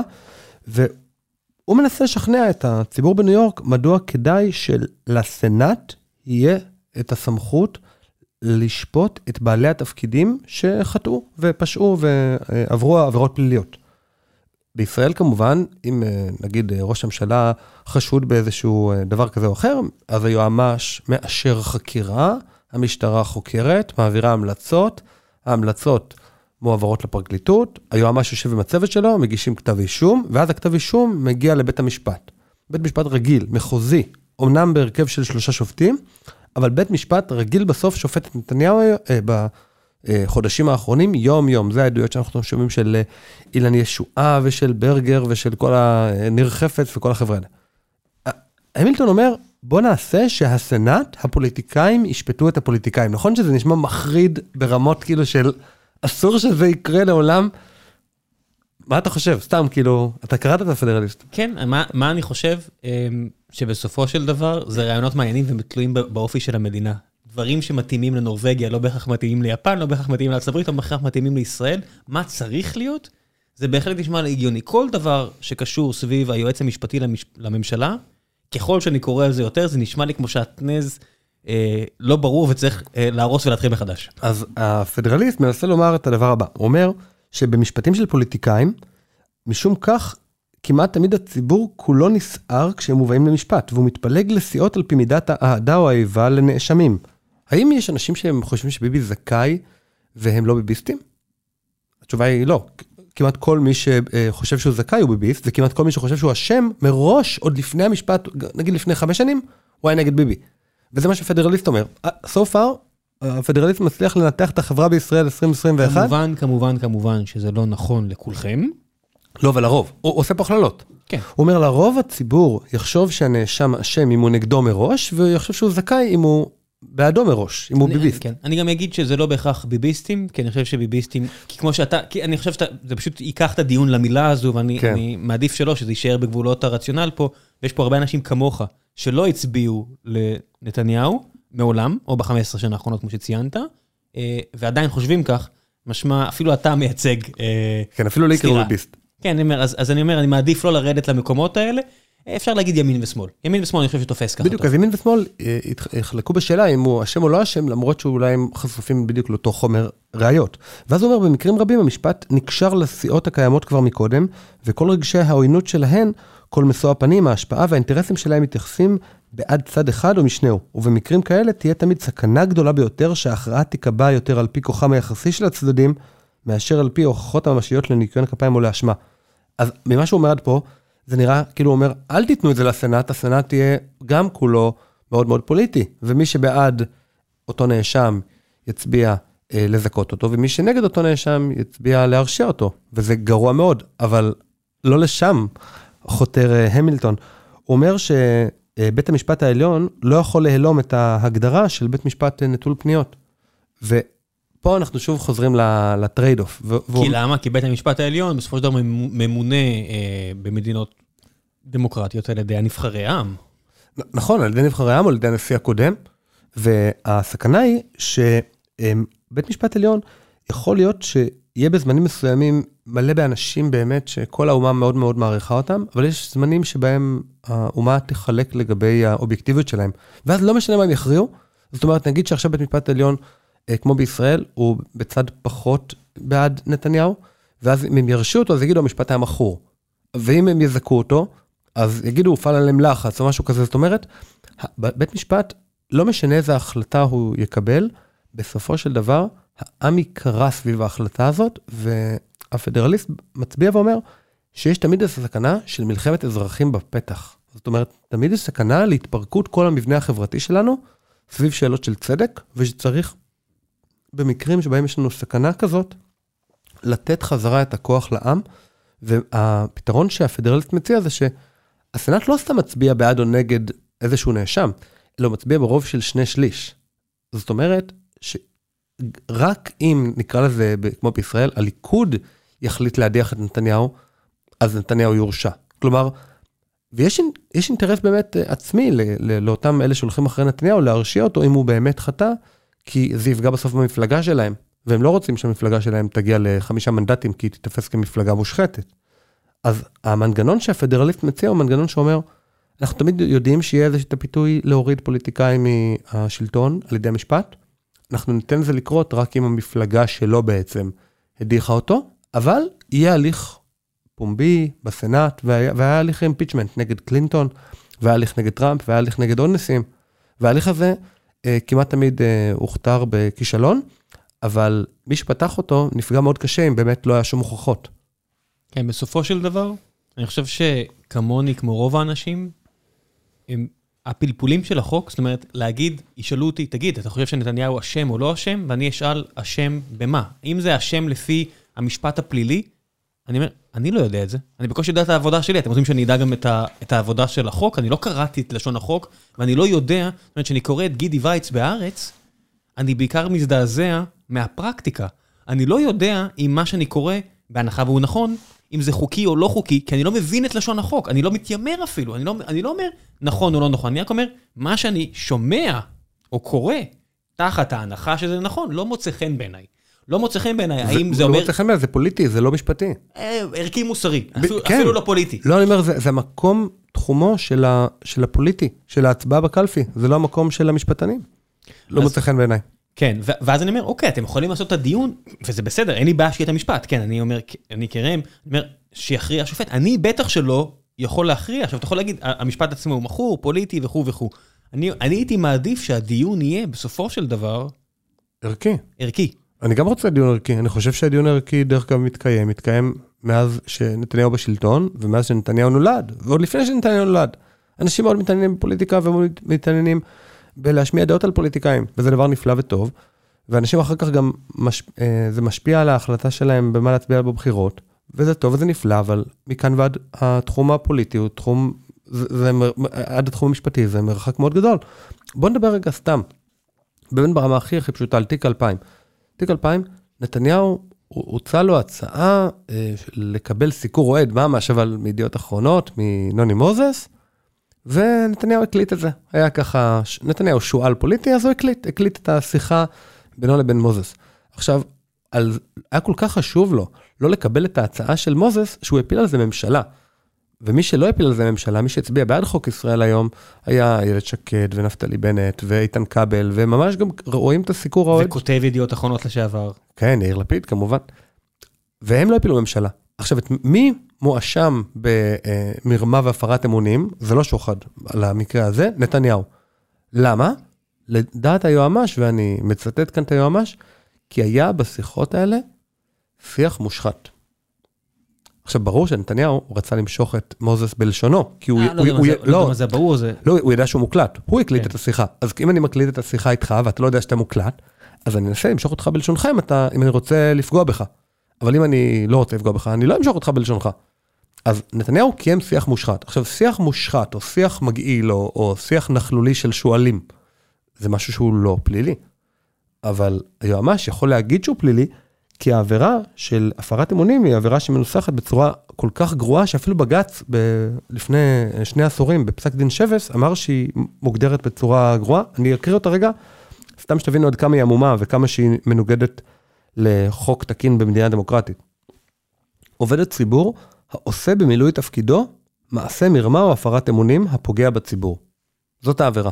עכשיו, אם, אם שיח של נתניהו עם, או, עם מו"ל של עיתון עונה לדבר הזה או לא עונה לדבר הזה, לא ניתן לדעת, כי עבירה לא מוגדרת כמו שצריך.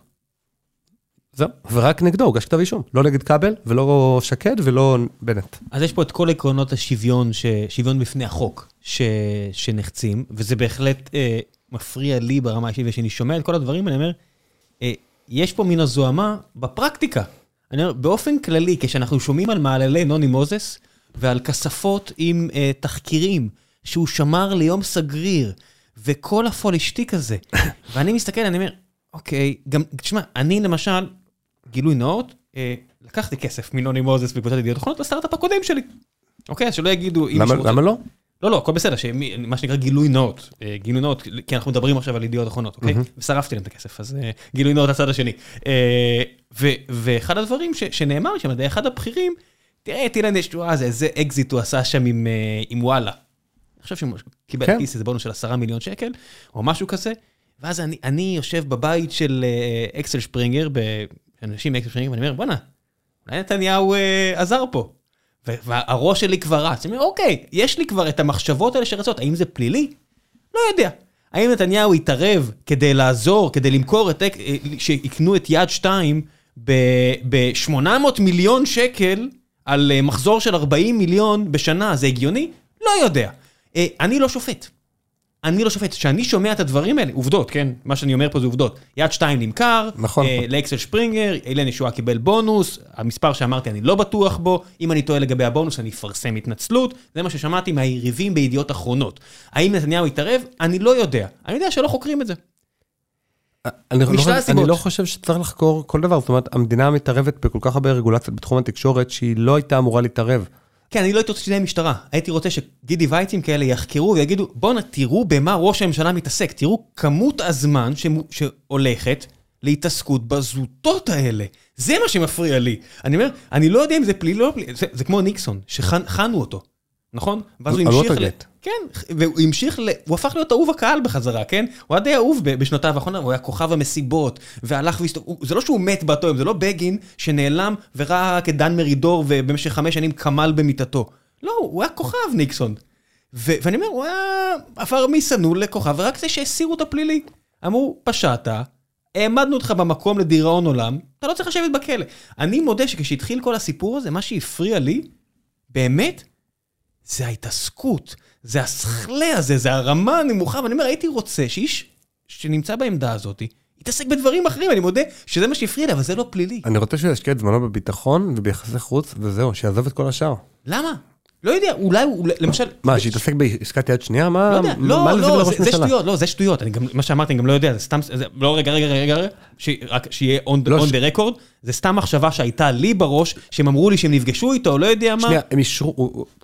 נתניהו- זרקתי פה, נתניהו, כ- בשבתו כשר תקשורת, חתם על הרבה מאוד אישורים לעסקאות שנעשו בתחום התקשורת. הוא בוודאות התעסק בזה המון. זהו. עכשיו, אני בכלל לא חושב שצריך ממש משרד שלם של משרד התקשורת. יש כמובן כל מיני בעיות של מונופול טבעי, שזה כמו נגיד, אם אני עכשיו רוצה אה, להעביר מים לירושלים, אז לא הגיוני שיש שבע חברות שונות שמובילות מים בשבע צינורות שונים והורסים את הטבע מתל אביב עד ירושלים. זה לא הגיוני, זה נקרא מונופול טבעי. כן, יש משאב טבעי שצריך לחלק אותו. מגלי רדיו, שאין מה לעשות, אתה לא יכול להביא נכון, אינסוף מהם. נכון. אינטרנט, אין בעיה, אז אל תתערבו. אז כמה עובדים צריך בשביל לעשות מכרז פעם בכמה שנים בשביל אה, לחלק את הגלי רדיו האלה? למה עובדים כל כך הרבה אנשים במשרד התקשורת וברשויות להגבלים עסקיים כאלה ואחרים? כן, זה הדברים שאני הכי שונא של משרד הפיס. למה משרד הפיס נהיה תפקיד של לחלק ג'ובים כדי למצוץ כסף? הנה, הימורים, נגיד אם יש משהו אחד שאני יותר... לגבי הימורים אני חלוק, כי אני אומר זה משהו שהוא טבעי. האם לאסור את זה, לא לאסור את זה, אני, אני אישית, אה, כמי שמאוד אוהב הימורים, אה, אישית, הימורי ספורט, חלוק בדעתי. מה שאני לא חלוק בדעתי לגביו, זה ש-25% מכספ, מכספי המהמרים הולך למימון המפעל הזה. 50% לפרסים ועוד 25% להשקעות בזה. מה זה השטויות האלה? תנו את זה לחברה פרטית, שתשלם מס, תעשו עם, הכסף מה שאתם רוצים. למה יש, יצרו עוד מפעל לג'ובים? זה העיקרון מבחינתי. אני חושב שצריך פשוט להפעיל המון לחץ תקשורתי על הדברים האלה. אם פוליטיקאים ידעו שמשלמים מחיר ציבורי כבד על המינויים המושחתים האלה, כמו נגיד אה, כשלפיד מינה את, רגע, אני לא- מה זה מה- גיסתו? לא יודע מה זה מינויים מושחתים, זה מינויים... אה, שחיתות תמיד זה עבירה פלילית. לא, לא, לא, לא, אני... שחית... אתה הולך? לעבירה פלילית. מינויים פוקפקים. שלא נראים טוב, מינויים פופוליסטיים. כן, אם- אפילו פיל... פילבר או פילבר? פילבר. פילבר, שהוא מונה שם למשרד התקשורת, אני מסתכל על זה ואומר, למה הוא עשה את זה? או שזה שחיתות, או שזה בינוניות. אני כמעט מעדיף לחשוב שזה שחיתות, אתה יודע? זה, ב- זה ברמה הזו, אז אני לא יודע אם זה פלילי או לא פלילי, זה סתם נראה רע. זהו, אבל אם הפוליטיקאים ישלמו מחיר, אז כמו שלפיד מינה את אה, גיסתו כי הוא- יכל, ואחר כך שהוא קיבל המון לחץ ציבורי, פתאום היא החליטה שהיא מעדיפה לשמור כן, על טוהר כן, המידות. אז- בטח. אז זהו, אז הציבור צריך פשוט להפציץ אותם בפייסבוק ובטוויטר ובהודעות האישיות, על דברים שלא נראים טוב. ואז לאט לאט אולי יהיה איזשהו שינוי, לפחות ככה אני הייתי רוצה להאמין. אני חושב שבישראל יש מעט מאוד חברה אזרחית, במובן הזה של עמותות או התארגנויות ספונטניות שלא קשורות לממשלה, וחבל שכך. בארצות הברית, סתם נגיד, ארגונים אה, ישראלים שרוצים לגייס כסף, לאן הם הולכים? לארצות הברית. מה, אין פה מספיק הייטקיסטים עשירים שיתרמו אפילו, לא יודע, 2% מהמשכורת שלהם לצדקה, ואז יהיה פה אחלה של עמותות?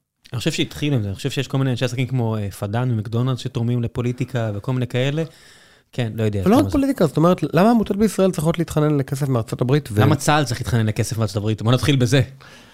כי כמו כל גוף ציבורי, כמו כל גוף ציבורי, הדברים הולכים קודם כל לפנסיות, ואז למי שבאמת צריך אותם, שזה החיילים. נגיד, למה בכלל חייל צריך דמי ת"ש? הבן אדם עובד, כמה? 240 שעות בחודש?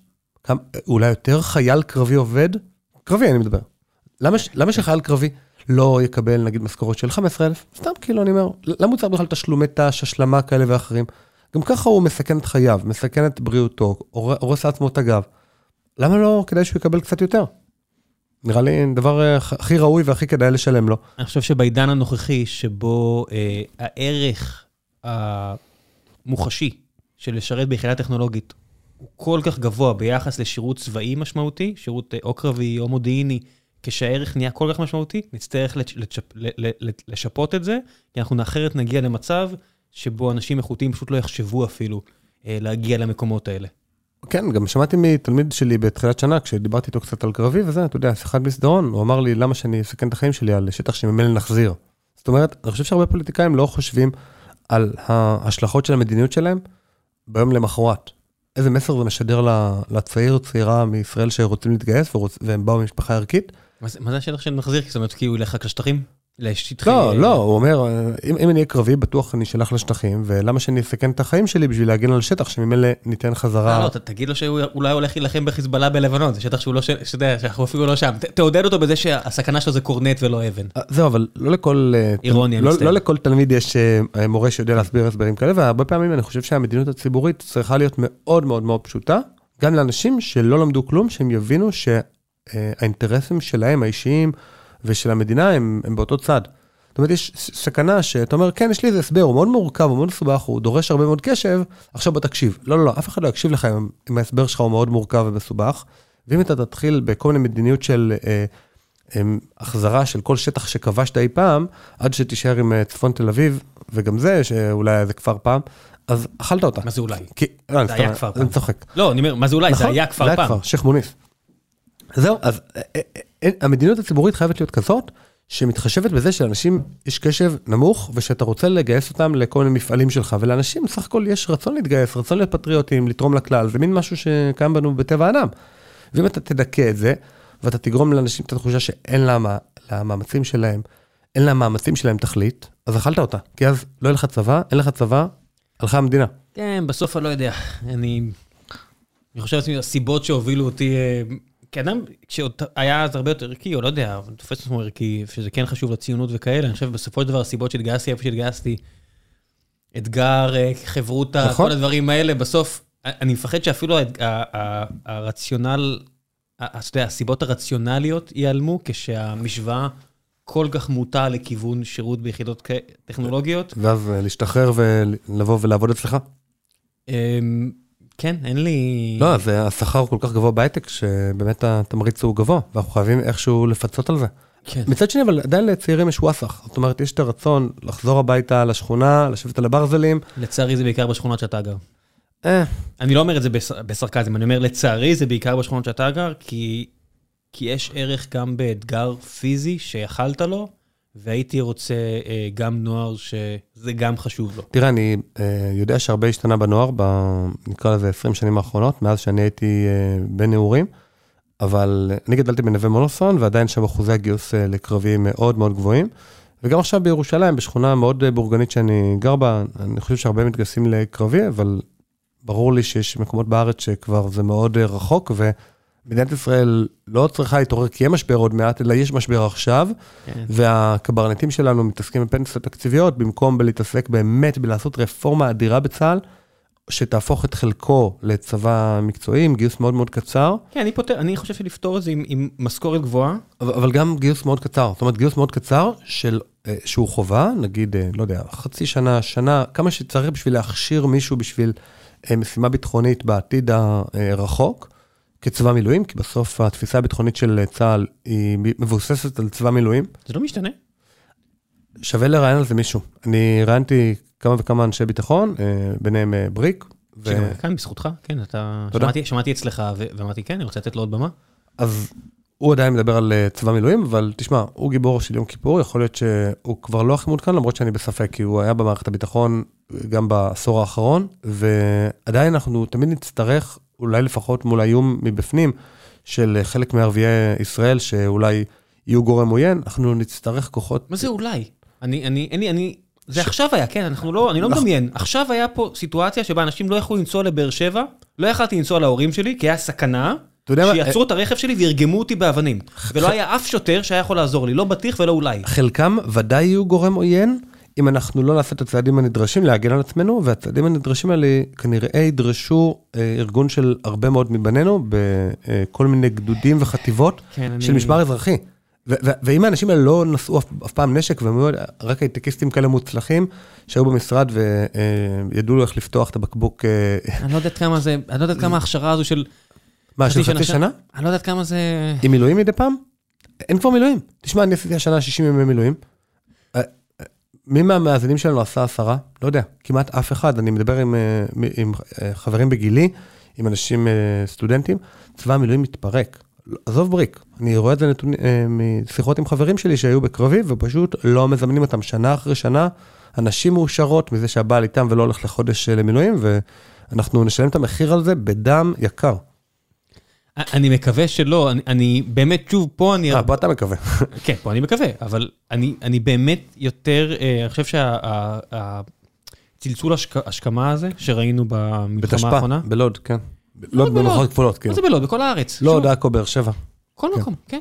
בכל מקום ראינו את זה, ביפו, בבת ים, בצד השני פשוט, ששם יהודים הת- התפרעו כמו לא יודע, בכל מקום שאני רואה את החוסר יכולת להבין שאדם לא, שרק למדינה יש מונופול על כוח, ומה עברה? שנה בקושי מאז, והנה צה"ל מפנה את, אה, את האמל"ח מהדרום ומעביר אותו למקום אחר כי הוא לא מסוגל לשמור על האמל"ח ליד הפזורה הבדואית? אין- זה, פר, זה פרשנות אישית שלי לצעד לא, הזה. אני פשוט חושב שזה פשוט מבוסס על אה, טיק טוק, שבו אה, אנשים, אני לא יודע אם מה שאני רואה זה מרקה סוריה או מרהט באר שבע, כן. או, או אנשים שעושים לינץ' בבת ים, באדם אחר, אני, אני לא יודע, אולי באמת הפתרון הזה, שתכשירו פה עוד שלושה יחידות ימ"מ, שזה תהיה העבודה שלהם, כן? אבל לפעמים לא מספיק, לא לחכות. לפעמים לא מספיק לגזום את הדשא, לפעמים צריך לעשות uh, מבצע, אתה יודע, אבל זה מה שאני אומר, זה בסוף... מסודר. אני, כן, ושאתה משווה כאילו את היכולות המבצעיות של חבר'ה כאלה, אני, אני, אני, אני מודה שאולי זו התפיסה האליטיסטית שלי, אבל אני תמיד הייתי מעדיף פחות וטוב, מאשר הרבה ובינוני. אה, בטח. אם אפשר להכשיר את החבר'ה האלה ולתת להם משכורת נורמלית, כי הם פשוט מדהימים במה שהם עושים, הימ"מניקים, ולהגיד להם, תפתרו את הבעיה. ואנחנו נגן עליכם משפטית, אני לא יודע אם זה יקרה, כן. כי, כי מתי שהם יתחילו לעבוד, יצוצו המקרים האלה שבו... כן, והיום הכל מצולם. אבל לפעמים צריך את הגרנד ארמה של נפוליאון, אפילו כנגד השוויצרים. זאת אומרת, לפעמים אתה צריך מסות, ולפעמים במבצעים רחבי היקף, שהבנים הכי טובים שלך נמצאים מעבר לגבולות, אתה צריך את אותם מילואימניקים מנומנמים בגילאים שלי ושלך, שכן ישמרו על הבניין שבו גרה המשפחה שלנו, ויעשו רק את זה. פשוט ידאגו לזה שבלילה לא יהיו פורעים שיבואו ויחבלו במשפחותינו, וזהו. זאת אומרת, הבינוני הזה, צריך אנשים שיודעים להחזיק נשק, אתה יודע מה, וגם צריך נשקים. זאת אומרת, צריך... תשמע, גם באותה סיטואציה בבת ים, אם מישהו היה יורה באוויר, כמו, ראיתי את השוטר הנהדר הזה בירושלים, שהגן על הבחור בעת הלינץ', אני אומר, בואנה, איזה תפקוד. הוא גם לא הרג אף אחד, הוא לא פצע אף אחד, והוא חילץ את הבן... בלינץ' ליד הרכב. כן, כן, כן.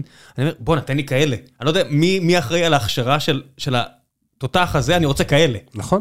תן לי כזה בבת ים שמסתערים על אדם, אני אומר, שמישהו יחלץ אותו עכשיו, בתקווה בלי שיירה באף אחד, כי גם לא צריך להפעיל אלימות אם לא חייב. ובכל הסיטואציות, בעכו, בכל המקומות האלה, בסוף, מה, המשטרה הידרדרה בשנתיים האחרונות, כמו שמאשימים את המשטרה על, אה, אה, על כוחות, אתה יודע, שמאשימים את צה"ל שהוא נהיה אה, שוטר של מחסומים, המשטרה נהייתה גוף שמחלק קנסות. בזמן שכל ישראלי... קנסות על מסכות. כן, קנסות על מסכות בדיזינגוף, בזמן שעם כל הכבוד, אה, אבל התרנגול היה שבועות התרנגול. תרנגול בבלומפילד או משהו שמישהו רצה להכניס. כן, יש אצטדיון בארץ שבו רוגמים באבנים אוהדים מדת כן. אחרת, אבל מה שבאמת הפריע זה אוהד בני יהודה עם תרנגול. המדינה הולכת על המקום היחצני, איפה שקל לאכוף, ובמקום לאכוף את החוק בצורה שוויונית, הולכת כנגד מי שנותן לה יותר נקודות. זה קורה גם בנתניהו, שהרבה יותר כיף לאכוף כנגד נתניהו מאשר נגד איתן כבל, שהוא בוודאי אה, קיבל הרבה יותר מידיעות אחרונות מאשר נתניהו, שרק עשה שיח מושחת או שיח לא נעים. וגם זה קורה באכיפה על יהודים במקום אכיפה על מי שמפר את החוק הכי חזק ובצורה הכי חזקה ובצורה הכי מגעילה.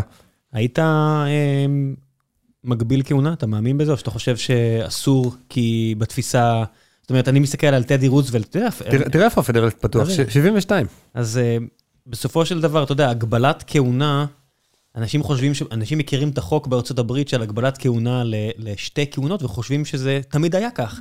לא, זה רק במאה ה-20. נכון, החוקה האמריקאית אמרה שההגבלות, הכהונות לא אמורות להיות מוגבלות אה, בכלל, והיא נתנה לזה חמישה טיעונים שכל אחד מהם אה, חזק, וזה נמצא בפדרליסט 72, שהוא במקרה היה פה פתוח, או לא במקרה, כי אני קראתי חלק מהשאלות שהיו בפייסבוק. ובאופן כללי, הבעיה עם הגבלת כהונות זה הבעיה הזאת, ואני אסכם כאן את כל החמישה טיעונים בטיעון אחד, שברגע שאתה אומר למישהו, אתה לא יכול להמשיך יותר, אז תהיה לו נטייה לבוא ולשבש את כל המערכת של הפוליטית, שהיא הרבה פעמים מערכת של נורמות ודברים בלתי כתובים, ודברים של מין כבוד למוסד עצמו, ולהגיד, אה, אם אני לא יכול להיות יותר, אז אני אראה לכם מה זה אני לא יכול להיות יותר, או שאני אשתלט על זה בצורה כוחנית, או שאני אעשה כל כך הרבה דברים רגע לפני שאני עוזב את המשרד, כי אתם מחייבים אותי לעזוב, כי כבר אין לי יכולת להיבחר שוב, אז אני עכשיו אשרוף את המועדון. אז באמת דברים כאלה יכולים לקרות. כשאדם יודע שאין לו יותר מה להפסיד, ושהוא במילא לא יותר נשיא, אז לפעמים לא אכפת לו לשרוף את המועדון. כן, מצד שני, החלוקה הזו לביבי אנטי ביבי, היא עושה לי כל כך רע, ואני חושב שהיא גם עושה למורשת של בנימין נתניהו רע. אני דווקא דיברתי על טראמפ. אז בסדר, טראמפ, ביבי, אה, בסופו של דבר, יש משהו בכוח שמעוות את הרצונות הטובים של אנשים, ואני חושב שאם היית מראה לבנימין נתניהו של שנות ה-90 במה בנימין נתניהו של שנות ה-21, הוא לא היה קונה את התירוצים האלה של אני חייב לעשות את זה כי התקשורת נגדי. לא נראה לי. אני פשוט, לא יודע, כולנו, 30 שנה אחורה, כולנו משתנים. אבל... אני לא מבין מישהו שהולך להיות ראש ממשלה בישראל. אה, הגזמת. לא, באמת, אני... עוב- עובד קשה מאוד. אתה יכול להביא מישהו שקופץ על רימון, אבל אתה לא יכול להביא מישהו שנהיה ראש ממשלה? מה ההבדל? אני לא בטוח יכול להבין מישהו שקופץ על רימון. זאת אומרת, זה משהו שאני חושב שהוא אקט של רגע, אבל לחיות ימים כלילות, סליחה, לילות כימים. כן, הרבה- עושים את נכון, הטעות לא, הזאת. אני, מאז שיש יש איזה בלוג ממש נהדר של מישהי שנקראת דנה פאר, שהיא מתקנת אה, ונותנת כל מיני עצות למשפטנים, איך לכתוב, לא כמו משפטנים בשפה המגעילה הזאת. פשוט עברית טובה. בדיוק, אז אה, שלה נקרא פשוט, אה, פשוט משהו. סליחה שאני לא זוכר דנה, אבל לימדת אותי הרבה. ואני חושב שאם היו מגלים לו את העבודה הקשה, הוא היה עושה אותה, בגלל שאני חושב שלנתניהו יש איזושהי אמונה ב, בתפקידו ההיסטורי, אני חושב. אולי אני מין- אני באמת מאמין. אולי זה מין היבריס, אבל זה לא בגלל משהו אחר, לא בגלל התנאים ולא בגלל בלפור. הרי בישיבה אחת בדירקטוריון של חברה בינלאומית, אה, אחרי שהוא עוזב את התפקידים בפוליטיקה, הוא מרוויח יותר מאשר עשור בתור ראש ממשלה. תקשיב, יש לו עשרות מיליוני שקלים, מה זה העניין הזה? מה זה העיסוק הזה? בסוף גם העיסוק הזה בכסף, אני אומר, בגלידות. כן, כמה אפשר? יש כאלה מספיק כסף. כך, לא, אבל... יש לך בית בקיסריה שרק השווי שלו עלה. עזוב יש לו מספיק כסף. הבן אדם יכול, ברגע שהוא עוזב את הפוליטיקה, להרוויח בשבועיים שלושה של ייעוץ, יותר ממה שעושה. איזה ייעוץ? הוא בן 70 משהו, הוא יכול לתת הרצאות. אתה יודע כמה אנשים מקבלים כסף על הרצאות? אתה יודע שאיזה גוף גדול אה, ביקש ממני שאני אעזור להם אה, למצוא אה, מחליף ליובל נוח הררי, שהיה אמור להגיע להרצות. מהמם. אז שאלתי, אוקיי, אז במקומו את מי אני יכול להמליץ לכם כאילו, להביא? מי באותו סדר גודל בכלל? אה, אז הם אמרו לי, אה, כולם. אמרתי, מה הכוונה? אז הם אמרו לי, מי שאתה רוצה. מה זה מי שאני רוצה? תמליץ, נביא אותו, ת- ת- ת- תנחה את האירוע, זה יהיה כיף. אמרתי, "מי זה- מה זה מי שרוצה? מי שאתה רוצה, אמרתי, אוקיי, תעצרו משחק. על איזה סכומים אנחנו מדברים פה? ואז נחשפתי לסכום, כמובן שאני לא אפגע בפרטיות של האיש. אה, ואני אומר, אוקיי, זה המספר שבנימין נתניהו יקבל על הרצאות. ברור. ואנשים אומרים, אה, לא, הם מקבלים רק את ההרצאות בשביל... אה... כי אתה יודע, כי אחרי זה הוא יהיה ראש ממשלה והוא יחזיר את הטובה. יש את לא, התיאוריה... לא. יש, את... הת... לא לא. יש את התיאוריה הזו. אבל לא רק. אבל אני אומר, אם יובל נוח הררי מקבל את הסכום שאני נחשפתי אליו, בנימין נתניהו בוודאות יקבל את הסכום הזה גם כן. ים כסף, הכל טוב, בסדר, עיני לא צרה. יש לארגונים יותר מדי כסף, אפל, אפל יושבים, לא, לא שאפל הזמינו אותו, אבל אפל יושבים על רבע טריליון דולר, יש ארגונים אחרים שכן, בפיננסים. הבעיה זה שאנשים משווים את עצמם לאנשים שמוכשרים מהם פי מיליון, עם... לא יודע אם מוכשרים, זה גם עניין של, במה, כן, לא יודע. בוא, בן בן אדם שיודע לעבוד 20 שעות ביום, 18 שעות ביום, לעבוד ממש, לא להיות בעבודה, זה אנשים מאוד מיוחדים, ונתניהו כנראה הוא אחד האנשים שיודעים לעבוד המון זמן. כן, זה, זה ויש לו גם הזו, כן. אינטלקט מאוד חריף, ויש לו גם המון כוח רצון. כן, איש בולט. בקיצור, אנשים כאלה לא קיימים לנו הרבה, והאנשים האלה, הם, אתה לא יכול להשוות את עצמך אליהם. זה הבעיה שלי, האלוהות הזו שהצמידו לו, שאין מלבדו, ואני אומר, לא, אני גם לא משווה... אף אחד לא גדול אני- מהמשחק. אני גם לא משווה את עצמי לאף מנכ"ל של חברת הייטק. לא יודע, פגשתי מספיק כאלה. אני לא יודע, אני לא לא חושב ש... ראיינתי מספיק כאלה. דרך אגב, אני גם לא, אני גם לא מקנא בהם. זאת אומרת, מישהו יכול להיות אה, תקנא, מרצדס תקנא, S-Class. זה נחמד. לא, זה בסדר. לא יודע, זה נחמד. שיהיה לו. שזה נחמד, זה הכל בסדר. אני נהנה לדבר עם אנשים, יש לי מזה המון. אני, אני, לא יודע, אני מטבעי שם לואו פס פילטר, בסדר חשמל לואו פס פילטר זה להוריד את האותות הגבוהים והנמוכים. אני מנסה לעשות את זה עם עצמי על הכל. לא דרמטי למטה, לא דרמטי למעלה. ו- וכשאני שומע אנשים מדברים על נתניהו, הכת הזו, לשני הכיוונים. אתה יודע, האדם הכי רשע בעולם, לעומת ה- ה- שמש העמים, אני אומר, בלעדיו לא היינו פה כאילו. כן, אני אומר, וואו, על מה אתם מדברים? לשני הכיוונים. הנה, ורואים שעכשיו שבנט ראש ממשלה, אז הרבה מהמדיניות של נתניהו ממשיכה. דיברתי שבוע שעבר עם אה, גלית, ואמרתי לה, איך זה להיות אופוזיציה של קואליציה שממשיכה 90% מהקווי מדיניות שאתם התחלתם? זה היה כזה קצת שתיקה, אבל שוב, היא כמובן ידעה לענות, זה המקצוע שלה, היא פוליטיקאית. והיא באה ואמרה, לא, זה החריף, אנחנו ניסינו מול הפקידים, והם עושים את זה במקפצה, וכל מיני תירוצים בסגנון הזה. אבל באמת זה, הרבה פעמים לא שמים לב לזה. קיסינג'ר הוא אחד, ה, אני חושב, המשקפיים הכי טובות שקיבלתי ליחסים בינלאומיים. בספר הנהדר שלו, אה, דיפלומטיה, עשיתי על זה שני פרקים עם עורך דין זיו מאור, הוא פשוט מראה איך באופן עקבי, כשמחליפים את הפוליטיקאי בראש איזושהי מדינה, המדיניות לא משתנה. כי האינטרסים של המדינה הם פשוט נשארים אותם אינטרסים. זה לא כזה משנה. יש, שמע, אני, בט- יש, יש אנשים... צ'רצ'יל, יש צ'רצ'יל, כן. מדי פעם. כן, אני פשוט אומר, אה, אם אתם עושים סקירה ששאלו את הבריטים בתחילת, אה, בסוף האלף, מיהו הבריטי הגדול, אז ניוטון ומקסוול ובקאם וכל מיני אנשים שהיו שם, בקאם. כן, זה מצחיק, אבל בקאם מופיע ברשימה של המאה, זה רק מראה על פופולריות, הרי זה גם תחרות פופולריות, נכון? אז אם מקסוול, שגילה את המשוואות של אלקטרודינמ... אלקטרו... דינמיקה, לא משנה, אה, אלקטרו-חשמל. וואו, אלקטרומגנטיות, איזה blackout. אלקטרומגנטיות, והסר אייזיק ניוטון, ווולט, וכל מיני אנשים מבריקים, מדהימים ומדהימות, ומקום ראשון, צ'רצ'יל. אוקיי, אז עם כל הכבוד, ועל משהו שהוא עשה במשך שלוש שנים, לפני כן לא בולט, אחרי כן לא אבל בולט. צריך היטלר בשביל צ'רצ'יל. נכון, וגם היטלר בולט מהצד שלו. אם לא היה היטלר, לא היה צ'רצ'יל. נכון, וזה בדיוק הנקודה. וזה שאני אומר, בסוף כדי להיות, אתה יודע, הרי טדי רוזוולט שהגביל את הכהונות, אחד הדברים, הוא היה בן אדם שהיה מעיף ספר בערב, ורטוריקן מדהים, ואיש, אתה יודע, עם כל הג'ינגואיזם, ככה קראו לזה? גנג'ו? גנג'- ג'ינגואיזם, המאצ'ואיזם המוג- המוגבר הזה, ו- והרבה מה wildlife של ארה"ב זה לזכותו, ומה שאכל לו את הלב, זה שלא הייתה לו מלחמה גדולה. כמו לקרוב משפחתו, שקיבע את מעמדו בהיסטוריה, כי גם לא היה היטלר וגם לא היה אה, הירואיטו, בסדר? מה לעשות? סיטואציות. יש אנשים שאם לא יהיה להם את הסיטואציה הנכונה לבלוט, לא יבלטו. אם נולדת בכפר קטן, כן, אם, אם שנינו נולדים לפני 150 שנה, כנראה שנינו היינו חקלאים, ולא היינו מתבלטים בתור חקלאים, כי... או לבלרים פשוטים, לא יודע, המשפחה שלי הגיעה מאזור שם האימפריה העות'מאנית, שכולם היו, אתה יודע, לא חקלאים, כי לא היה אדמה חקלאית ליהודים באזור הזה. כן. אז היו חנוונים פשוטים, או כן. לא יודע מה, אנשים בתחום קטנים. המושב. כן, בתחום המושב. זה- איזה מבאס זה. אה, כן, אבל זה המציאות, אתה יודע, בסוף כדי, ש, כדי שבאמת תבלוט לטובה, כל כך הרבה, אני רק חושב היום על, על, ה- על הפורנו סבל הזה שנחשפתי אליו, ואני מצטער על זה בוואלה, של אה, ילד בן חמש מסתובב, אה, שעצרו אותו בלי מכנסיים מוכה ברחובות ירושלים. ילד שעבר התעללות כנראה, הוא לא יודע מה, ההורים מן הסתם לא, לא, לא מוצלחים במיוחד. ורק אמרתי, מה הסיכוי, מדברים על פריבילגיה. אנשים שאני אומר שאני פריבילגיה, אנשים אומרים, מה, אבל עבדתי קשה, וזה, וזה, וזה, לא שיש לי כל כך הרבה, אבל אתה יודע, אז אני אומר, כן, גם לא נולדתי להורים מתעללים, גם אף אחד לא אה, נגע בי במקומות שלא רציתי שיגעו בי, לא נדרסתי, יש הרבה מאוד דברים שהשכינה, הבריאה, המזל, מציאות, הובילה אותי למצב שאני בסדר, אתה יודע מה? שירו עליי לא פגעו. בואו נתחיל בזה. אנחנו חיים בתקופה הכי טובה בהיסטוריה של האנושות, מבחינה אה, כלכלית, אנחנו לא וגם- ברעב, וגם בריאות- במקום, כן. בריאותנו טובה, ואפילו שיש קורונה, אז נגיד שיהיה סגר עוד מעט לתקופה מסוימת, עדיין זה לא משנה כלום בתמונה. מי שנולד בדרום סודאן, אין לו מזל לצערו, וחרא לו, ואני מכיר בזה, לי טוב, מה אני אעשה? אתה יודע, וצריך להגיד תודה, לא, מה זה, כן. מה אני אעשה? צריך להגיד תודה. זה בטוח. זה, זה כל הזמן להגיד תודה לבריאה, להורים, לחברים, ל- למה שאתה לא מאמין בו, וזה, וזה חשוב. בואו נעשה קצת שאלות מן הקהל, ולפני שנגיע לשלב השאלות מן הקהל, דבר המפרסם.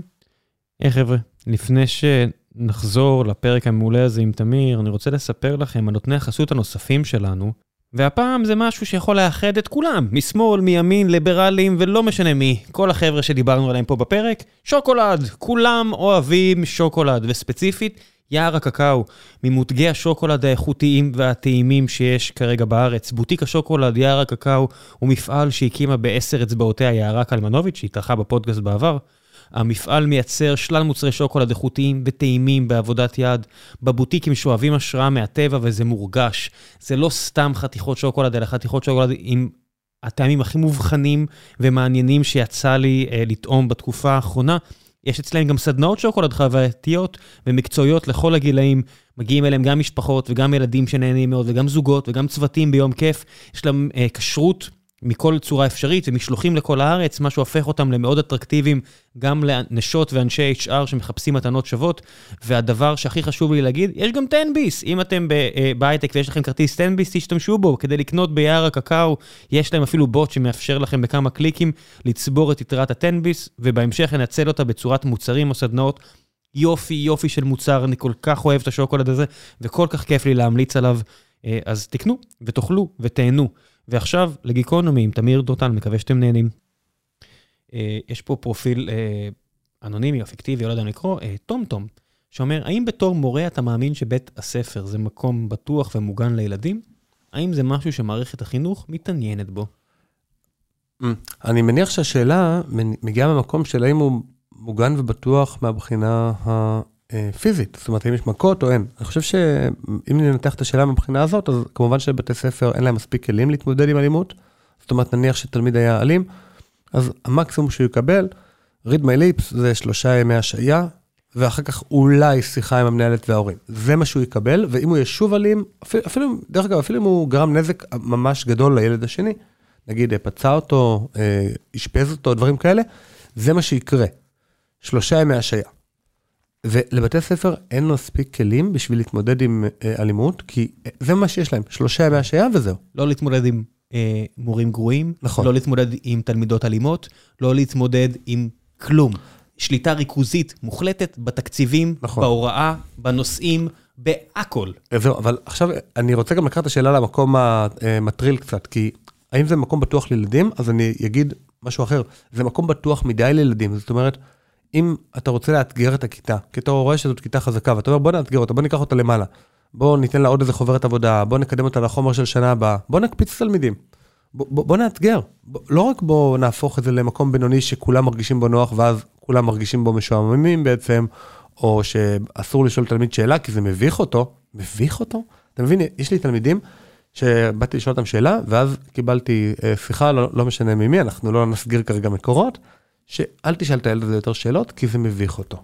כי לא בא לו לענות. כי- אני, אני יכול לתאר לעצמי, אני לא הייתי שם, יכול להיות סיטואציה, אבל גם להיות רגישות. אם אתה רואה שלמישהו, אה, אפשר להיטפל לתלמיד, מורה יכול להיטפל לתלמיד. נכון. אני, לא, אני חושב שעדיף, כן אפשר להיות רגיש, נכון, אבל אם נגיד, אבל לא לשאול לגמרי כי זה מביך אותו. לא לשאול, כאילו, התלמיד הזה הוא עכשיו בן אדם שאתה לא מדבר איתו. כאילו, כי הוא, הוא בכיתה שלך, אבל אה, הוא רגיש. עכשיו, כל דבר זה בא מתוך רצון להגן, אבל הרצון להגן הזה, שוב, אני מפנה גם, ב, גם בשיחה הזאת וגם בשיחה הקודמת שעשינו, לג'ונתן הייט, שמספר לנו שככל שאנחנו רוצים להגן יותר על התלמידים, או על הילדים שלנו, ככה אנחנו בעצם אולי הרבה פעמים פוגעים בהם יותר מדי, כי האדם צריך איזשהו חיכוך אה, ואיזשהו אה, פידבק. רף גבוה. ואיזשהו רף גבוה בשביל לגדול. אם לא מאמנים את השריר, והשריר לא קצת נקרע, אז השריר לא יתחזק. ואם אנחנו כל הזמן נשמור על הדברים במקום הכי בטוח והכי סטרילי עם אה, צמר גפן, אז... לא, אסור לפגוע יותר.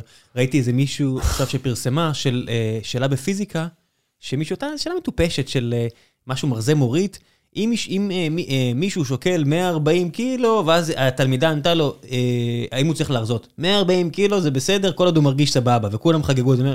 לא, 140 קילו זה משקל שמסכן חיים, בוא נתחיל בזה, אוקיי?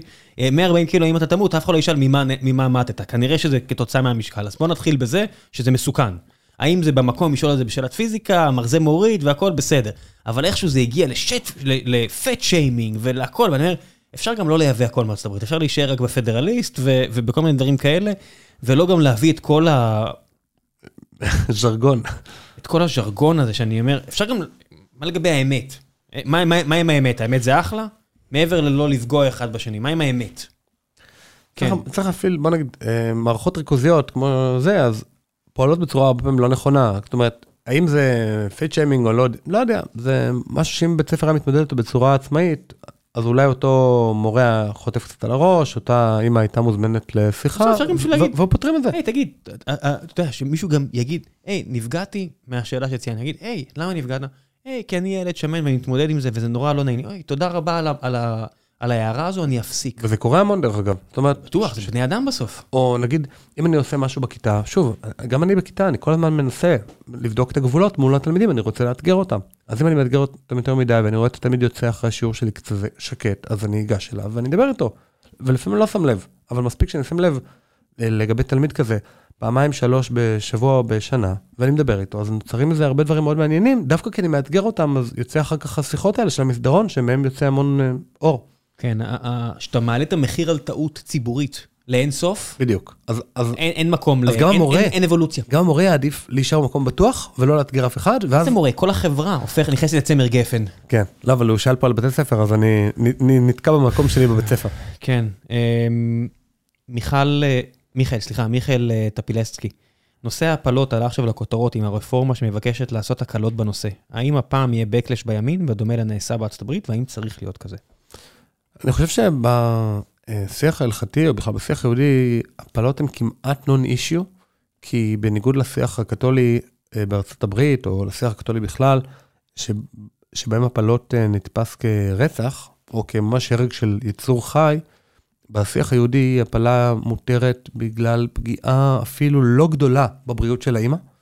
אה, היא מותרת בגלל שזה איכשהו, בשבועות הראשונים לפחות, אה, הריון לא רצוי או משהו כזה, כלומר, היא לא, נגיד, היא לא מותרת או אסורה באופן מוחלט כמעט אף פעם, וגם כשהיא אסורה, אז זה לא אסור כי זה רצח, אלא אסור כי זה איבר.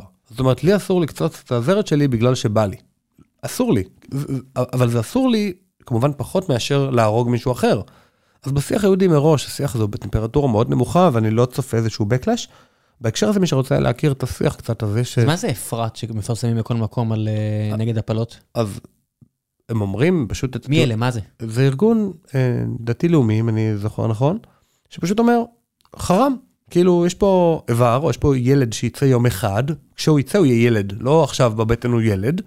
הם לא אומרים, הפלה זה רצח, אם אני זוכר נכון. אני לא יודע מה הרטוריקה שלי. אה, הם, זכור הם, לי. פשוט, הם פשוט אומרים, אף אימא שהכרנו שהיא ילדה את הילד, לא הצטערה אחר כך. וזהו, פשוט תלדו את הילדים, גם אם זה הריון לא מתוכנן, ו- ויהיה בסדר. זה, זה הגישה שלהם, זאת אומרת, הם באים ומקדמים איזושהי גישה, הם לא באים ואומרים, הם, הפלה זה רצח, הפלה זה הדבר הכי נורא ש, שיש בעולם, כמו הקתולים. הקתולים ממש מתייחסים לזה כ, כרצח כ, לכל דבר ועניין. אין, אין להם שום סובלנות לעני- לדבר הזה. מי שרוצה להכיר את השיח היהודי בנושא, יש אה, פודקאסט מעולה של הרב חיים נבון, והוא דיבר אה, בשיחה האחרונה שלו עם אה, גינקולוגית שנקראת חנה קטן, והיא מעולה, והם דיברו גם שיח... רוב המאזינים הכי ליברליים בעולם, זה עניין של, שוב, רף. האם אה, עובר בשבוע ה-35, אתם תסכימו לעשות הפלה? לא, כי כבר יש תפקודי מוח, כי חו. אנחנו מדברים פה גם על... בסוף גם כשאתה מכליל את כל העניין הזה ומרדד אותו בדיוק. ל- להפלה, מדובר פה על גם איזה שבוע, כן? נכון, גלולת היום שאחרי, אני חושב שאין מישהו כמעט בעולם של, שלא... ש... לא, הקתולים, הקתולים כן נגד זה. כנגד הגלולה, גלולת היום שכן. שאחרי, זאת אני אומרת, חושב שכן, אני חושב שכן. אפילו אם אתה לא יודע מה היה הרעיון. כן, כן, אני, אני חושב שהם... אה, אה, תשמע, בעיניי זה קוקו לגמרי, כן, אבל זה, זה כמו שאני חושב, כשאני, כשאני קורא על קבלה, אני מצטער שאני אומר את זה, אבל כשאני קורא מה זה קבלה, אה, אוקיי, זה קוקו לגמרי. זה, אני, אני מבין שאני פוגע פה ברגשות של רבים. כן, זה מעבר למציאות פשוט. עזוב, זה נראה כמו דברים שאם היית לוקח לי, אם היית אומר לי, תקשיב, זה לא קבלה, זה, מצטער, זה כת חדשה ששוטפת את הנוער ב- בתל אביב, או, מה זה הכת הנוראית הזו? מאיפ- מאיפה זה מגיע הרעיונות האלה? אבל לא, זה, זה, אתה יודע, יהדות. אוקיי, בסדר, נו. זה, מה ההבדל בין יהדות ל... לבין- מה ההבדל בין דת לכת? מתי היא התחילה? וכמות המאמינים, זה, זה לא... בעיניי, כן, לא על בהז- היהדות, בהז- כן. בהזדמנות אחרת, אבל כן. אבל כן, אה, אני חושב שלא, כמו שאמרת, לא כל דבר צריך לייבא מארצות הברית, עניין ההפלות הוא עניין שזר לנו מבחינה אה, תרבותית, ואני, דרך אגב, גם ממש לא מבין, איך כל כך הרבה בנות עשרה בארצות הברית נכנסות להיריון, ואיך בארץ זה לא קורה, הרי זה לא שנשים בארץ, אה, או בני נוער בארץ שוכבים פחות. מה הקטע? אני לא יודע אם- לגבי אף אחד מההיפותזות שאמרת, האם זה אמת יותר, פחות, שוכבים יותר, שוכבים פחות, אני לא יודע. אולי כאילו- מודעות לאמצעי לא, מניעה. כי יש לא. המון המון המון אה, בנות אה, עשרה בארצות הברית שמביאות, פשוט מביאות ילד. מביאות. בוא ממש. נתחיל בזה שיש שם 350 מיליון אזרחים ועוד איקס לא, מיליון זאת אנשים. תופעה, אה, זה לא איזה מין משהו. אצלי בשכבה, כשהייתי תיכוניסט, אז הייתה אחת בכיתה י"א שהביאה ילד לעולם, וכולנו שאלנו למה היא לא עשתה הפלה, אבל בארצות הברית זה פשוט קורה by the dozens, כאילו, זה, זה ממש תופעה אמיתית. אני לא יודע אם אולי גם באנגליה זה ככה, אני לא יודע. יכול להיות שזה בגלל היחס להפלות. זו סוגיה ציבורית, לא בגלל קהילות שמרניות שנקרא לזה, או לוקחים אצל מניעה או משהו כזה, זה קורה, זאת סוגיה בגלל שיש כל כך הרבה ילדים שבאים לעולם בדרך כזאת, בפועל. אה, נתן ליפשיץ שואל, אה, ליפשס, אה, אשמח לדעת מה הביא חילוני שמאלני כמו תמיר הצעיר, כפי שאתה מעיד על עצמך, להתהפך יום אחד ולהיות פילוסוף ליברלי וימני. האם החזרה בתשובה הייתה הגורם או התוצאה? בוודאי התוצאה. אה, האמת מה שרציתי בעיקר, אה, בתור נקרא לזה בן נוער, או בתור מישהו בן 20 ו, זה קצת להכיר מה, מה עובד. זאת אומרת, הרבה פעמים הייתי בשיחות אינטליגנטיות בתוך מחנה השמאל, ושאלתי שאלות, וזכיתי לכל מיני, אה, נקרא לזה הרמות גבה או משיכות כתף, ואמרתי, אוקיי, אז אין פה תשובות טובות, בואו נמשיך הלאה, בואו נשאל את השאלות הטובות האלה אנשים אחרים, וקיבלתי תשובות שיותר אהבתי. וזה שאתה גדל במקום מסוים, אני חושב שזה לא אמור לגרום לך להישאר בא- באותו מחנה פוליטי כל החיים שלך. אני מאוד שמח שהייתה לי את הפתיחות לבוא ולעבור אה, מחנה, ואני חושב שעדיין יש לי פתיחות לעבור מחנה לצד שלישי, פשוט מישהו צריך לשכנע אותי. ואני פתוח, כאילו, מה זה צד שלישי? לא יודע, להפוך להיות פתאום אה, אטטיסט אה, בן גוריוני. וגם, לא, אולי זה אותו צד אה, שבאתי ממנו, אבל אני חושב שהיום אחד הדברים שהכי מפריעים לי בישראל, שהמקום שבו גדלת הוא המנבא הכי טוב לאיזה מפלגה אתה תצביע, במקום מה הדעות שלך. כן, אז- הת- התרגיל שאני תמיד מנסה לעשות זה תרגיל באמפתיה. מה במחנה השני בסדר, בכל זאת, זאת אומרת, מה... תנסו לחשוב, נגיד, אם אתם אה, על משפט נתניהו, אם אתם, אה, למשל, ביביסטים, תראו, תקראו את הידיעות, תגידו אם זה בא לכם טוב או לא, אל מיד תגידו לא. ואם אתם מהצד שהוא אנטי ביבי, תגידו אם זה באמת, אתם באמת משוכנעים שזה הכל צריך להיות פלילי. אולי רק חלק, אולי בכלל לא, לא יודע. אז באמת, אני עצמי, שאני... בסוגיה, אני, אני לא יודע. זה, זה לא סוגיה כזו פשוטה. זה מה לא. שאני אומר, שאנשים מגיעים פה לכל כך הרבה החלטות לגבי מה הם חושבים בכזו שרירות. אני נגד זה, אני בעד זה, אני נגד זה, אני בעד זה. אני, אגיד לך על עצמי, אני משתדל מדי פעם לעקוב אחרי הטלגרם של עמית סגל, ואני לא מבין בכלל את הקונטקסט של 50% מהציוצים, מההודעות כן, שלו זה- בטלגרם. הוא אומר, אילן ישועה אמר לברגר שכך וכך וכך. רגע, מי זה ישועה? מי זה ברגר? ולמה השאלה ששאל אותו עורך דין בן צור, מה היא ניסתה להשיג? ויש לי את ההשכלה המשפטית, ויש לי השכלה ברגולציה, ואני מבין את הדברים האלה, ואני לא מבין בכלל את ההודעות של עמית סגל, והוא מנסה להיות הכי קומוניקטיבי כלפי הציבור. אז כנראה שרוב האנשים בכלל לא מבינים כלום, ורק פועלים מהבטן. סביר להניח. אמ, עומרי אה, מטר נראה שבזמן האחרון תמיר ממש החליט לקפוץ עם שתי הרגליים בפודקאסט. אשמח שתשאל אותו איך הוא הרגיש שזה נכון ללכת על המהלך הזה, מה היו השיקולים להסבת הקריירה הזו, ואם ככה אתה רואה את הדברים. אני מורה במשרה מלאה, והפודקאסט, אה, הלוואי שהוא היה מאפשר לי איכשהו, אה, נקרא לזה להתפרנס, וזה לא נכון, זאת אומרת, אני משקיע המון המון המון זמן בפודקאסט, אבל זה לא במקום, אלא בנוסף לדברים אחרים שאני עושה, ומתפרנס מהם, זה והלוואי ש... הזמן להצביע לפודקאסט שלך, ל... אה, יש תחרות של גיק טיים, כן, לגמרי. אני אשאיר לינק, תצביעו. להצביע, אבל גם כמובן, אה, שוב, להצביע דרך הארנק. זאת אומרת, אם באמת חשוב לכם שאני אהיה עם שתי רגליים בפודקאסט, ושאני אנסה להפיק יותר תכנים, אולי אפילו דברים אה, ברמה יומית על, אה, על חדשות וזה בצורה אינטליגנטית, אם, אם לא תשלמו, זה לא יקרה, כי אני צריך לעבוד. להתפרנס ממשהו, מה שנקרא. למרות שאני, אני קצת, גם בזה אני קצת חלוק, אני, אתה נראה לי מורה מאוד אידי, אידיאולוג וטוב, אז לא, יודע- לא, לא יודע אם ככה הייתי שמח אם היית עוזב את מקצוע ההוראה. אני אבל- לא, לא, אני לא אומר שאני באמת אעזוב, אבל אולי במקום ללמד בשני מקומות במקביל, אני אלמד רק במקום אחד או משהו כזה. כן, אני, אני, כן, אני אוהב ללמד, ממש אוהב. אני מאוד אוהב להאזין לפוד- לפודקאסט שלך, אני לא יודע, אף פעם לא למדתי בשיעור שלך, אבל אני מאוד נהנה להאזין לך, אז אני יוצא מכאן הנחה שאתה גם מורה טוב. לא יודע למה אני עושה את הקפיצה הלוגית הזו, אבל אני עושה אותה. בוא נעשה שאלה אחרונה, אה, ואז אני רץ לפגישה. חנוך שייביץ אומר, אני מאוד נהנה לשמוע בדרך כלל, מצד שני, אצל הרב שמואל אליהו ואצל עמיחי שיקלי בולטת העובדה שתמיר עשה להם הנחות. למשל, תמיר התבטא בעד רפורמת הכשרות, אבל אחרי שהעלה פער ופשוט נתן לרב לפרוש, אה, לפרוס את משנתו. גם עם עמיחי שיקלי, הוא לא הסביר למה הוא לא לוקח את המנדט שלו ועושה מה שהוא רוצה, ולמה בליכוד מראש. גם ההסבר של בנט היה מאוד שטחי, ולא הסביר למה אנשים כמוני הצביעו לו מעבר לאינטרס האמיתי או לא שיש לחברי כנסת של ימינה. אז את הסיפה של השאלה לא ממש הבנתי, אז אולי צריך לפרש לי אחרי שאני אענה על הרישה. אני בעיקר בא בפודקאסט לתת במה, כמו שדיברנו בשיחה, שהתחלנו את השיחה הזאת, המטרה היא באמת לתת במה, לפתוח מיקרופון, לתת לאותם אנשים להתבטא כמו שהם לא התבטאו בעבר. שטייניץ מעולם לא התבטא באופן שהוא התבטא אצלי, בשום מקום אחר, ואני חושב שעשיתי לו בזה שירות גדול, גם אם אני מתנגד לו. ואם כל השיחה הייתי רב איתו על האם זה מוסרי או לא מוסרי להעלות את המס בצורה רטרואקטיבית, לא היינו שומעים, כלומר, אתם המאזינים, לא הייתם שומעים לעולם את הסיפור על הגז. יכול להיות שנכון לקבוע איתו עוד שיחה ולאמת אותו עם הדברים האלה. ככה גם עם הרב שמואל אליהו וככה גם עם אה, אה, עמיחי שיקלי. אה, אני מרגיש שהרבה פעמים זה מה שהכי חסר, במיוחד לאותם או פוליטיקאים או קובעי מדיניות ציבורית, את אותו זמן מסך, בלי הפרעות, ואני משתדל להקשיב בלי הפרעות, אני משתדל לשקף ולתת להם את הזמן במה. ואם אני שואל את השאלה אחת, שת- שתי או שתיים קשות, אז אני משתדל לעשות את זה במידה שלא תפריע לאותו בן אדם להרגיש בנוח, ויש trade off. זאת אומרת, אני יודע שלבחירה שלי יש מחיר, וזה מחיר ששווה לי אה, לשלם אותו. ואם אתם רוצים לבחון אותי, אז תאזינו לשני ראיונות שעשיתי עם אה, אברום בורג ועם אה, חיים רמון, וגם, אתם יודעים מה, עם יורי פינס, שממש רחוק ממני, מזרח ומערב. בורג רחוק מכולם. בורג רחוק מכולם, אבל... בורג, נע בחלל, אבל- הוא לבד. אבל נתתי לו כבוד. הוא כן, הרגיש, הוא הרגיש. בבית, הוא הרגיש נעים, וזאת המטרה שלי, שאנשים ירגישו אצלי נעים, וגם אם הם לא יקבלו את כל השאלות הכי קשות אה, ברצף אחת אחרי השנייה, כמו סגנון דנה וייס, אז אה, אני מאוד שמח שזה לא הסגנון דנה וייס. כן, לא, דן- דנה וייס שואלת כדי לשאול, לא בהכרח כדי שיענו לה, כי היא יודעת שב- שבמדיום ההוא אין באמת סיכוי לתשובות, כי זה ב prime time ו live, אז מה שחשוב זה עצם השאלה, ועצם המאבק הזה של ראיתם איך דנה וייס הכניסה לו? ראיתם איך הוא ענה לה? כן. ואני אומר, אף אחד לא שם לב למי אמר מה. זה מי הכניס ומי קיפל, וזה קו אגרוף, זה לא דעות. זהו, ואולי אני אזמין את אה, שטייניץ נגיד לעוד שיחה, ואת אה, שיקלי לעוד שיחה, ובהם אני אולי אהיה קצת פחות נעים ונחמד, כי באמת היו דברים שהיו חסרים באופן בולט, ואולי לא, תלוי. כן, יש מספיק אנשים אה, מעניינים וחשובים. זה- כן. זו האמת, אתה יודע, זה בסופו של דבר, טוב מאוד, חיים בדור אה, מעניין. כן, חיים בזמנים מעניינים, כמו הקלישאה הלא נכונה הזו לגבי. האמרה הסינית, כן. כן. טוב, בוא נסיים עם המלצות.